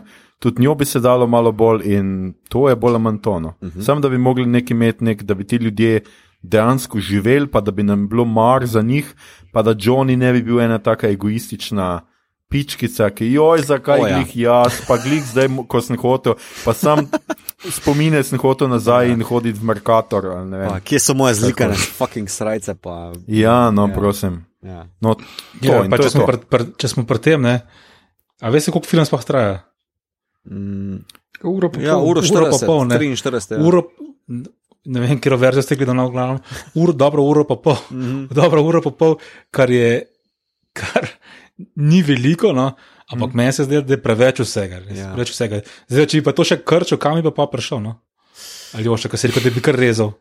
Ne, jaz bi, mislim, rezal bi te stvari ven, pa jih nadomestil, seveda s približno podobno minutažo, sem pač bolj smiselno in povezano. S čim? S čim Ja, ne vem, s čimerkoli, karkoli bi dalo Johnnyju neko osebnost. Super. Pač, kar, mislim, jaz ne vem, kaj bi to bilo, in tudi pač nisem scenarist in me to v resnici ne zanima, ampak pač definitivno bi pač hotel, da, da živi kot nek lik in da ima neko osebnost, in da pač sem, valjda bi pa bilo treba zboljšati tudi malo zgodbo. Ne, pač, mm -hmm. A veš, take stvari, da zveš, kaj je v tisti kodi, ti je pač film postane precej brezvezen. a Veš, to, je, to mora biti na koncu razkrito. To bolezni sploh nismo videli, razen da je ono žensko mal metal, Mhm. par minut, recimo. Mm Mhm, -hmm. Ne vem. Rollins bi lahko zapel, pa bi imel pač tudi bend, s katerim bi razveseljeval otroke v bolnišnici. To bi se mi zdelo tako kot rdeči noski, tako kot rdeči noski, samo rock and roll. Ja, Ja, pa prav ja. komat Amalajer, pa to. Uh, ja. Ja, ja. Okay, dobro, cool, cool. Vidva, Ja. kako bi izboljšala um, film? Jaz bi več uh, world buildinga dodal, ker v bistvu nič ne vidiš, sploh low teki, tak kaj oni imajo tam gor TV-je, pa satelit. Mm -hmm. To je to. Ne, ne zveš nič tako primarnega v njih. Ne? In V, v kratki zgodbi jih opiše v par uh -huh. stavkih, pa, Pa dela, ja. so bolj ja. živi. Um, Tako da. Uh, Pa stupid zgledajo, ne? predvsem to, mislim, what the fuck. Anarh ima napisano na čelu. Uh, uh, Drzno. ja, tako da an, jaz bi jim vsaj antifa dal, da bi bili bolj. Uh, tako da mislim, da zelo, kar se tega world buildinga tiče, eh, je nekaj, kar zmanjka, uh, pa predvsem te zlobneži. Ja, en je dovolj, ne rabiš jih pet. Uh, če še ima eden od njih enega, ne vem, henchmana, je to čist dovolj. Um, in uh, uh, več akcije, ki je bolj Pomenljiva. pač stilizirana, ja. bolj smiselna, predvsem. Torej, ne samo oni pridejo tam in streljajo gor v most, am, ker jim je padlo nekaj na glavo, ampak pač, mm -hmm. če je že celo to streljanje, naj bo bolj smiselno narejeno, S tem, razlogi in akcije. s tem, ko bi črtal malo več likov, ne, bi potem tudi tiste, ki ostajajo, bi jim dal malo več motivacije, malo bolj izrazni lik, malo več uh, jasnosti, zakaj se sploh njim gre v tem svetu. Ne. Mm. In vse skupaj bi morda le sestavilo neko uh, solidno oceno. Mhm. okay. cool. Hvala. Ja. Okay. No, uh, uh, prišli smo do Ja. ja. uh, Star Trek kotička. Kar, a- Jaz bi si še samo rekel, da naj, Ja. meni najboljši citat iz tega filma, ki dejansko je vezan na to leto, ne, je, re, da reče Johnny na eni točki: Let's go low rent. Uh, ne vem, kaj, mislim, da misli low tekstem, ampak dejansko niže najemnine. To je zelo sporočilo za leto 2021. In, uh, Precej. Precej. No, jaz še vedno mislim, da je sicer Jesus Time najboljši, ne? ker pač Dolph Lundgren, čeprav mi je še tudi enako všeč, ko vidi uh, delfina, ki reče: What spawn of Satan? um, skratka, uh, mito Star Trek kotiček, imel si kar težko nalogo, s čim torej se um, primerja Johnny Mnemonik v Star Trek vesolju. Ja, zdaj, tako kot sem omenil, v bistvu cyberpunk tem je v Star Treku ogromno, predvsem v TNG-ju, no, uh, v tem, kar ti trenutno spremljaš. Ne vem, kje si, prva sezona, ne? ja, to nekje. Ja, kje uh, bi pa bil po enem? Ja, ne vem, ne vem, ne vem, ne vem kje, kakšen je tvoj tempo. Um, ampak uh, izpostavil sem pa z uh, drugo sezono, uh, ne vem, kje je del uh, Deep Space Nine za naslovom The Wire. Um, ta del se pa gre o uh, meni zelo ljubem liku Gereko, uh, krojaču na tej postaji, Deep Space Nine, ki ima temno preteklost, je špijun, je nek. Um, Član, uh, torej Cardassian Secret Service, bil, ampak je iz uh, občine. Um, On ima implantant v možganu, ki so ga ustavili vsem agentom, ki, jim, uh, ki agentom znižuje empatijo, pa simpatijo, pa nasplošno neko senzibilnost do uh, različnih čustev. Zdaj, on je imel to non-stop izklopljeno, ampak uh, odkar so, pač to je del zgodbe, uh, se Kardashiani umaknili iz te postaje, je zaradi njegove lasne.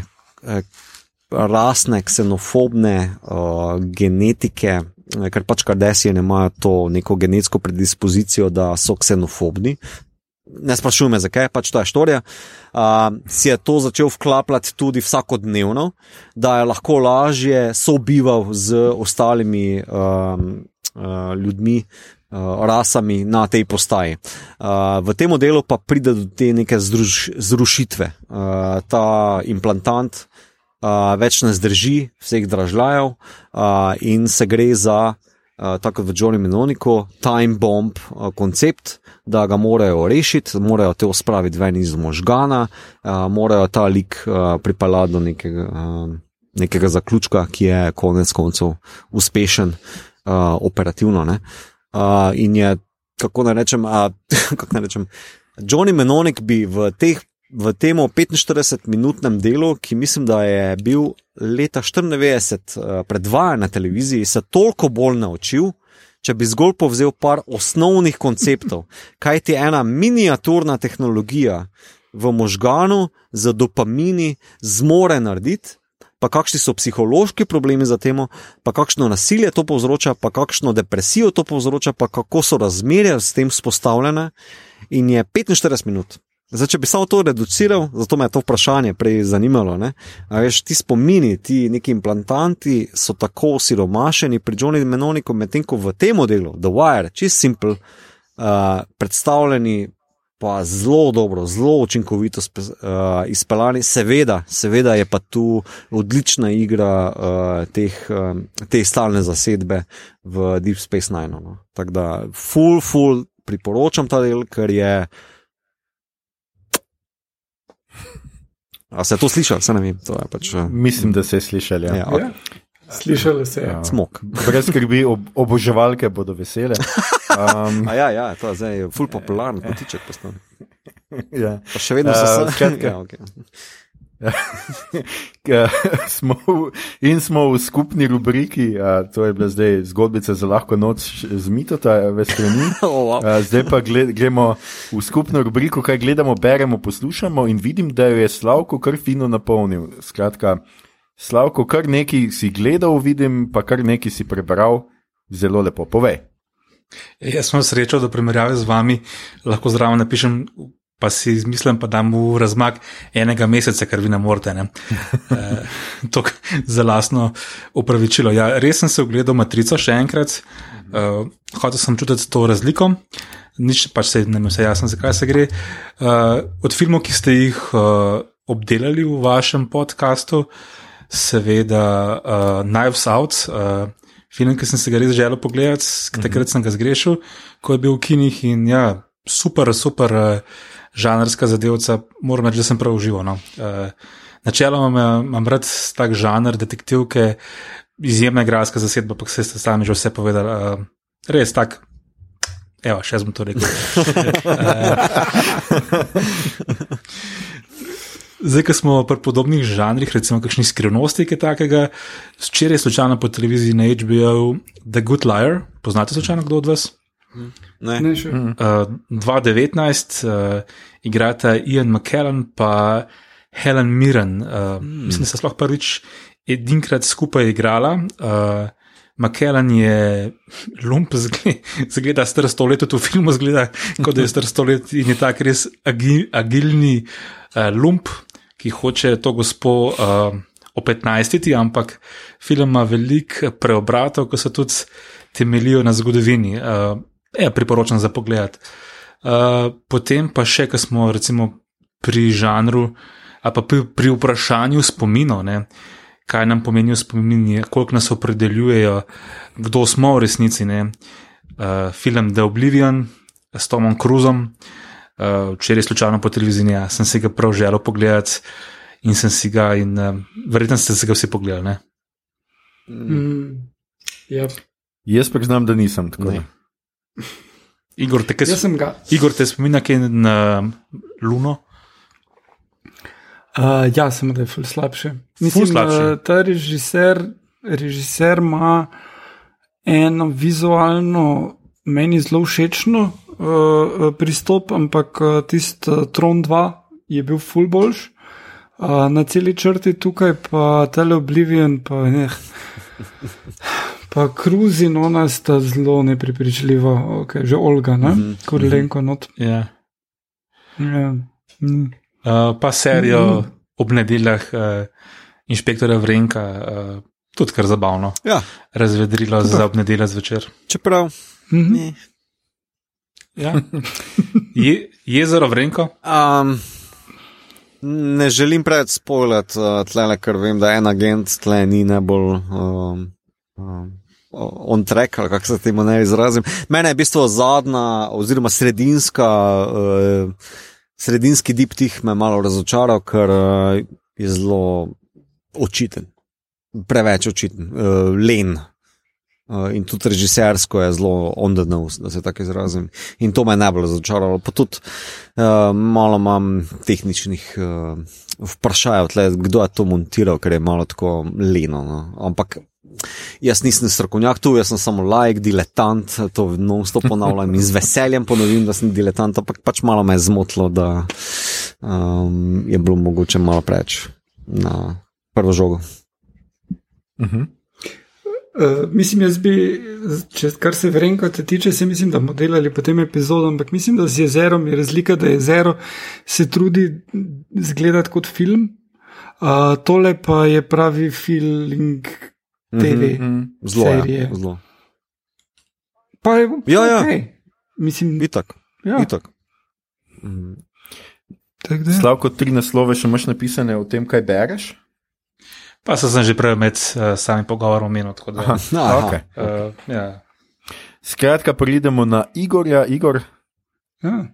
Uh, ja, pogledal sem uh, odličen film Obetavna mladenka, uh, Promising Young Woman, ki bom ga priporočal, da ga gledate. Uh, trailer, če si ogledate, v redu nastavi celo zadevo uh, in ravno prav uh, poveza naprej. Uh, navijam pa zato, da bi delali epizodo o tem, tako da bi kdaj uh, takrat kaj več povedali. Čakam še, da so agenta uspeta film pogledati. Um, druga zadeva, ki sem jo videl, pa je Euforija, posebna oddaja oziroma special.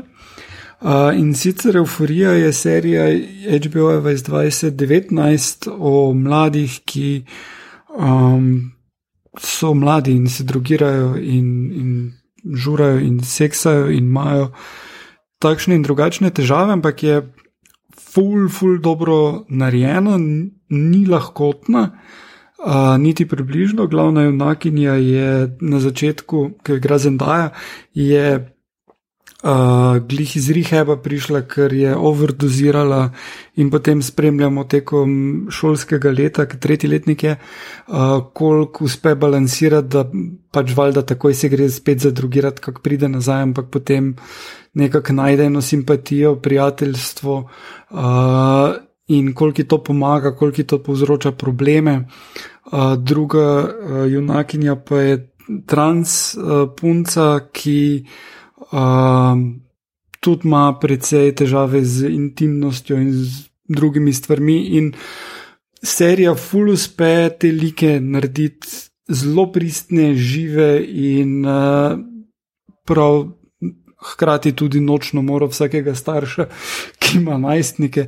Tako da um, zelo priporočam serijo, zdaj pa pač, ko so drugo sezono probali narediti, je pandemija udarila in niso mogli narediti druge sezone, pa so na mestu tega naredili dva speciala uh, in sicer za vsako od junakin posebej, in v obeh primerih gre za pogovor. Uh, Tale Ruka, igra Zendaja, se pogovarja s svojim sponzorjem iz te uh, za pomoč uh, uh, in se pogovarjata o življenju in, in kontroliranju odvisnosti in drogah in tako dalje. Uh, Medtem ko tale um, uh, Hunter pa ima čist ene samo svoje teme o tem, kako je um, pač problem s čustvi in življenjem in tako dalje.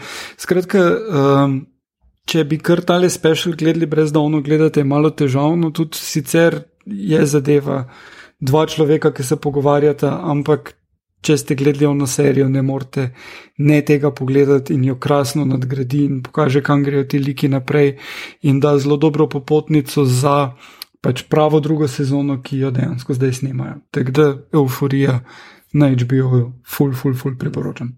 Okay. Hvala, Igor. Uh, Mito, ti si na vrsti, da poročaš. Um, so, če malo sem pozval, ker sem že napisal, uh, prost stvari gledam. Napisal si seveda Buffy. Uh, ja, uh, torej, ne, uh, bom najprej obrnil na glavo. Gledam trenutno uh -huh. sproti, ja, itak Expense, pa uh, Snowpiercer, gledam, uh, sem prvi del pogledal. Uh, full je fun, mislim, da zelo dobro nadaljuje naprej. Um, uh, Trti coin je neizprosen, prav tako se bom izrazil, ker je zelo zanimiv izdelek. Eh, zdaj sem tri dele pogledal, to je španska serija, um, dogaja se v uh, enem majhnem mestu ali pa naselju, da se tako izrazim, uh, kjer se pač začne z vsem tem nekim. Uh, Krščanskim šitom, da se tako izrazim, zelo kratko, pa je drnato. Um, uh, o hudičih, pa župniki, vmesniki, pa uh, ful je bizarno, ampak uh, torej, horor žanr, ki ti ful ne da dihati, ful ni nekih umestnih cajtov, da se sprostiš ali pa da začneš nekaj razmišljati, ampak ima ful hud tempo. Res ima ful hud tempo in ga ful priporočam. Zdaj sem na tretjem delu in je, Samo... in je the best. Samo malo, jaz sem pogledal samo prvi del, pa je full še ene melodrame zraven, v kateri se nič ne dogaja. To potem v drugem in tretjem delu. Ne, v prvem delu, v prvem delu imaš. Um, par teh momentov, kjer pač ja, imaš malo te žajfence, da spoznaš te uh, like v tem mestu, torej župana, pa veterinarko, pa ene par likov, uh, ki so obstranski, ampak glavna dva lika, ki jih jaz tukaj zaznavam, ne vse zdaj v tretjem delu, sta župan, veterinarka, pa župnik. In, uh, Pa ti kovanci, seveda, ki en kovanc uh, od Juda, ki se znajde v tem mestu, in uh, neka ta eh, kardinalska teleportacija vpliva, da želijo ta kovanc od Juda imeti nazaj, neki agnostični gospel, eh, ki vpliva na zlo in je full bizarno, full špansko, full evropejsko, full nek tak, kako naj temu rečem, um, američan bi naredil iz tega. Um, neko individualistično uh, grozljivko, kako se vem, stigmate pojavljajo, pa nekaj levo desno, ampak tukaj pa je. Ta nek moment uh, kolektiva, pa vasice, kako se obnašajo do nekih pojavov, do oseb, ki se jim zmeša, uh, do župnika, ki se obnaša čudno, ki ima orožje pod pojslom. In je tako, a veš, mislim, uh, super je, res je super, uh, uživam, ful. Um, deli so dolgi, cirka eno uro in je wow, res je wow. Um, tako da, ja, uh, ful se veselim. Uh, mislim, vam priporočam, uh, jaz bi moral biti celo delal epizodo o tem, tako, špasen. Um, Jaz sem bil za, za epizodo na 30 kovancih pripravljen, ko sem uh, trailer videl. Okay. No, pol pa imamo tu agenta Aljoša, ki se skriva neki za pop filtrom. Um, uh, pol pa imam Buffy, ja, Buffy sem zaključil, evo, sedma epizoda pogledal in moram reči, da je um, is the best. Uh, ena Mhm. redkih je serij, ki uh, uh, odraste. Ki uh, ima potencial, da se zaveda, kje je začel, pa kje želi končati, pa ki se zaveda, s kakšnimi liki uh, operira, pa uh, kje želi z njimi končati. In je zelo zanimiv uh, odrasli koncept, še posebej za 90. Kljub temu, da ajde, sedma se zaključi 2003. Ne? Uh, in Mhm. vsi ti liki so mi zelo zanimivi, zelo zanimivi loki, zelo um, presenetljivo za tisti čas. No. Um, Tako da, ja, razumem, Aljoša, tvoje navdušenje na temo in uh, aplaudiram, da si bil uh, tenkočuten do tega. Um, že takrat. Jaz si, jaz si ne znam predstavljati, kako bi bilo čakati med epizodami, ker uh, jaz sem na mah, rukno, v enem mesecu uh, sem sedem epizod požrl, uh, ker po moje bi znorel. Uh, jaz mislim, da bi znorel. No. Uh, uh, ker zraven tega, da. Uh, ima en zelo sodoben koncept, ki so ga seveda povzemali, uh, kot Joss Whedon, uh, Joss Whedonov geni se mislim, da zelo dobro skristalizira v tej seriji. seriji. Uh, je pa še nekaj drugega, ne, da pač um, je ta uh, protofeministični moment, ki je tukaj noter zastavljen, še posebej v zadnji sezoni, da pač Buffy mora žrtvovati svojo moč vsem bojevnicam ali pa ženskam, ki želijo se zoprstaviti zlu, in uh, da se to projicirano zven je zelo. Za 2003 stari, za 2003 je to meni wow, res wow. Mhm. In je noro, res wow. Samo No, no, kapa dol, ves- kapa dol. No. Me veseli, da si končno v Team, Bu team Buffy. Um, ja, no, jaz bom pa tudi začel zdaj na koncu in bom pač uh, rekel, da jaz sem se zveda začel gledati Next Generation in tako kot smo se že z Mitotom pogovarjali vmes. Um, pač malo sem bil presenečen na začetku, no, ker sem pričakoval, da bo full preskok v kvaliteti, ker vseeno gre za ne vem koliko deset, pa nekaj let kasneje. Uh -huh. Mhm. Ampak ni, zgodbe so še vedno približno tam, še vedno smo bolj ali manj iste, nekaj bodi si napade vesoljsko ladjo, mm Mhm, -hmm, v kateri so mm -hmm. in zauzame njihova telesa, zelo pogosto, ali pa srečajo neko omnipotentno bitje. Tako da. Ampak uh, počasi se navajam na like, Pikar mi je vedno bolj všeč, pač taki grumpy old man, no, Uh. ker si noč mu ni všeč, pa unobogi Wesley, no, ki ga skozi neki preganja z tega. Uh, Pač z uh, Helma. No. Uh Mhm. -huh. Tako da se mi je zdelo kar, kar zanimivo. Druga- Drugače pa pač zdaj ta zadnji del, ki sem ga pogledal, ker je uh, data Sherlock Holmes, pa se mi preprosto mora prikupiti. No, tle preprosto seveda. ni, ni druge.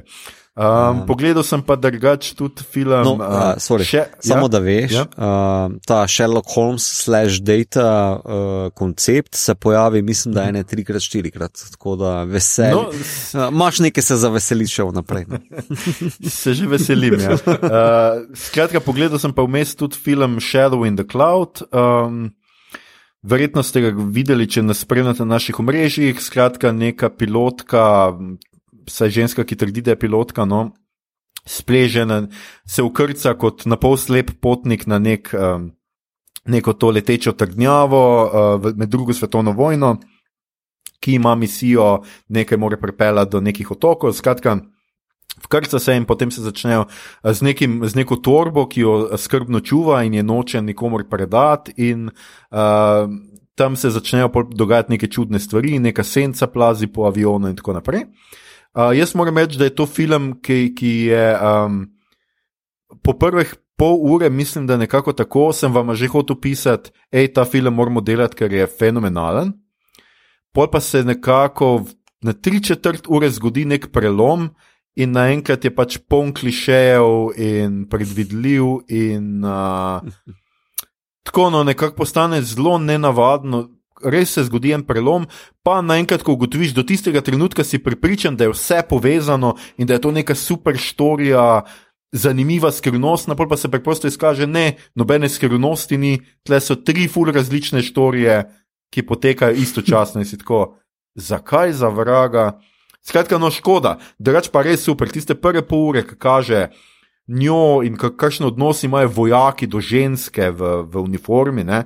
kako se pač jo vse čas jo pač imajo ta catcalling, skozi jo hočejo neki, eh, jo zafrkavajo, seveda skozi neki, da je ženska in tako. Res, res je super. In potem tista senca, ki se prikazuje, ki prvič vidiš malo te, če si pozoren, vidiš že večkrat, kako švigne ta gremlin sem in tja. Ampak se pravi, potem pa ni tako zanimivo. In tudi pač tle se pa vidi, da ni bilo 30 milijonov ali pač koliko pač rabimo. Ker um, po eni strani imaš uh, vse prizore v letalu, noč se zelo malo ven pokažejo, še, še popolnoma noč pa ne kažejo tako z razdalje, da bi ti videl dejansko akcijo v neki ptiči ali pa drugi perspektivi, pač od zunaj, ne, da bi si lažje predstavljal, kje so sovražni avioni in tako, ampak hkrati pa ne zna tega narediti v neko tesnobno. Na začetku še rata, pol pa ta tesnoba nekam zgine in ta akcijski prizori, od katerega smo enega itak videli v trailerju, so pač tako kar neki. No. Um, tako da škoda, no. drugač eh, pa z, še kar simpatičen, no, ampak kratek, simpatičen film, uro pa pol, se vseeno splača za tiste prve pol ure ali pa tri četrt ure, se splača pogledati. Pogledal sem še pa eno serijo, ki pa je ne bom danes, ker še, mislim, nisem še pogledal do konca, no, ampak bom verjetno do naslednje epizode končal prvo sezono in bom takrat poročal o njej. Uh, skratka, ljudje in ljudine, ne boste verjeli, ali pa. To je bila že naša 76. epizoda, poslušali ste podcast, ki se oglaša na ime Obot, podcast za serije filme, risanke in knjige vseh žanrov, DVZ, ki ga gosti mreža Aljoša, Apparatus. Aljoša, Ja? Slavko neki maha. Aha, prosim. A si lahko ukra uk- ukradem še 20 sekund? Seveda lahko pove. Ja, ker sem videl po scenariju, da vsak maksimalno 5 minut ima za ti svoje zadeve, in vsi trije ste ta čas krepko prekoračili. Jaz, kot verni kristjan, v številke sem to seveda s svojo minutašo še zmanjšal. Ne? Zdaj nabijam. Uh, ne, ste, ker ste vsi omenjali serije, ne? nisem niti sam na serije pomislil, ampak ker veliko govorite o serijah, bi rad povedal, kaj sem poleti videl. Uh -huh. Da sem videl najboljšo serijo v življenju do zdaj, ker pa sem Ok. videl predvsem manj serij kot vi. ne. Okej, Samo v eni besedi, leftovers, uh, zelo, zelo navdušen. Um, to je ena zadeva, druga pa, ko si uh, Ljoša omenil besedo Sherlock, uh, sem si končno ogledal BBC-ovo uh, TV serijo Sherlock in sem bil tudi zelo navdušen. Evo, se upravičujem, ker sem te prekinil. Evo, prosti. Ne, ne, ne, ne, čisto v redu. Uh, hvala ti, Slavko, da si me prekinil, pa da si povedal to. Leftoversov jaz še nisem, to moram mm. še popraviti. Jaz no. priporočam. No. Čeprav sem Ja, nekje, ja. glede na to, da sem uh, hipster, nekje slišal, da je francoski zvirnik boljši. Tako da, obsta, mislim, koliko jaz vem, obstaja nek francoski zvirnik, ni tako, da obstaja neka, na katero se je to pač nanaša. Glej, kakorkoli že, no, skratka, treba je pogledati, ali sem pa mogoče tudi zamešal. Treba je pogledati. Uh, hotel sem te samo zdaj, ki si me že prekinil, Slavko, nekaj te vprašati, seveda. Um, Kmalo uh, si želimo, seveda, tudi, mislim, uh, pričakujemo tudi, da boš, uh, ko boš na televiziji omenil tudi knjigo, svojo lastno knjigo, ne, da boš jo dobro spromoviral in da se bo ful prodala. Skratka, kdaj pride knjiga ven? Knjiga pre, pride, izide uh, okrog olimpijskih iger v Tokiu, upam, da bodo igre. Knjiga menda bo. No. Ja, ja, jaz tudi upam, da, bo, da bodo olimpijske igre, ker pol gotovo bo knjiga. Kaj pa, če ne bo olimpijskih iger? um, hot, Lej, honorar sem dobil splačen. uh, vsekakor se veselimo, no mogoče lahko vseeno poveš, kaj bo ta knjiga uh, za tiste poslušalce, ki bi jih zanimalo. Uh, nekak športni pregled desetletja, torej 50 dogodkov med 2011 in 2020, uh, ki so, so se me tako ali drugače dotaknili. Torej niso samo, uh, so na eni strani neki objektivni, pomembni dogodki, hmm. ki naj bi bili pomembni za večino tistih, ki imajo radi šport, ali pa ki jih vsaj malce zanima, po drugi strani pa sem dodal še nekaj svojih. Subjektivnih izborov, s čimer sem hotel pokazati, kaj šport tudi vse lahko predstavlja. Ok, super. Upam, da je not kakšna zmaga Olimpije. Kupi, kupi in poglej. Uh, ja, Aljoša, uh, moram te razočarati, Leftovers ni remake francoske serije, je pa predelava romana uh, ameriškega pisatelja. Uh, In lahko rečeš, da ti je knjiga bolj všeč, tako da to tudi deluje. No, ok, hvala. Kot vedno. Um, ljudje, ljudine, to je bila pa zdaj že prav zares naša 76. epizoda. Poslušali ste torej podcast, ki se oglaša Neme obot, podcast za serije filme, risanke knjige vseh žanrov, od F do Z, ki ga gosti mreža Apparatus. Z vami smo bili Slavko, človek teleteksta Jerič, uh, Mito, jaz imam še eno vprašanje, Gigič, Vedno, vedno. Igor, oči so problem, har. Pa ta In, uh, ja. No, to sem si zapisal, Igor, brez skrbi. Uh, in uh, Aljoša, ki je za vraga, so jakuze, harlamo. Uh, tole epizodo smo posneli preko spleta z naših domov, mi se čuvamo, upamo, da se vi tudi še vedno. S tem, ko čuvate sebe, čuvate tudi svoje bližnje, sosede, sodržavljane, s tem pomagamo razbremeniti medicinsko osebje. Čuvamo se lahko samo skupaj, ostanimo skupaj tudi, ko smo narazen. Če vam je bilo všeč, kar ste slišali, širite, lajkajte naš podcast, naročite se nam preko vašega najljubšega apa oziroma ponudnika podcastov, dajte kakšno ceno na Apple Podcast, spremljajte platformo Apparatu z odličnim izborom podcastov za vsakega. In če boste v naslednjih dneh ugotovili, da je od vas odvisna rešitev zdravstvenih tegob leta 2021, prosimo, ne biti svetoboljni in egoistični Kijanu, ne jamrajte, poiščite rešitev. Prosimo vas, rešite nas, mi bi res radi normalno živeli. In če bomo zaradi vas spet lahko začeli snemati v živo, vam obljubimo, da boste lahko gost naslednje epizode. In a ne bi to rešilo tudi vseh vaših težav? Uh, na Twitterju nas najdete kot adpodcast obot, na Facebooku in Instagramu smo podcast SKM, obot brez pikic mes, tja delimo rajce, prikolice in druge zanimivosti in tja lahko smerite vprašanja, pripombe, komentarje, scenarije za Kijano Rivsa, predloge, kaj bi za vas pogledali naslednjič. Uh, to je bila 76. epizoda, 21. special iz karantene. Um, Namreč o, med epizodo sem pozabil povedati, da je Kijano ta scenarij za Johnnyjem Mnemonika dobil tako, da mu ga je nekdo odvrgel na prak uh -huh. stanovanja oziroma hiše. Uh, zato ta jok z uh, scenarijem, zdaj, ki ga moram pojasnjevati, si te počutim Ja, ne neumno. Uh, ne dela več. Ne. Uh, naslednjič, uh, kokr, uh, ker vemo, da ste poslušalci našega podcasta nepopravljivi romantiki in romantičarke, je na vrsti naš prvi Valentinov special, zato morda ne bomo na sporedu ravno torek, ampak kak dan ali dva pred Valentinovim, najbrž v petek. Uh, naša tema pa bodo vsekakor, v, v to ni dvoma, romantične komedije. Najboljše tri po našem izboru in po izboru naše gostje, ki naj zaenkrat ostane še skrivnost. Uh, vse informacije boste kot vedno našli na naših družabnih omrežjih, na Facebooku, Tinderju ali Twitterju. Do takrat pa obodovke in obodovci, lepo zdrav in se poslušamo. Kakšen fucking Tinder, stari. Kva, kva? Ja. Mislim, tri tipi smo, ne bi bil grinder bolj. Bravo. Ja.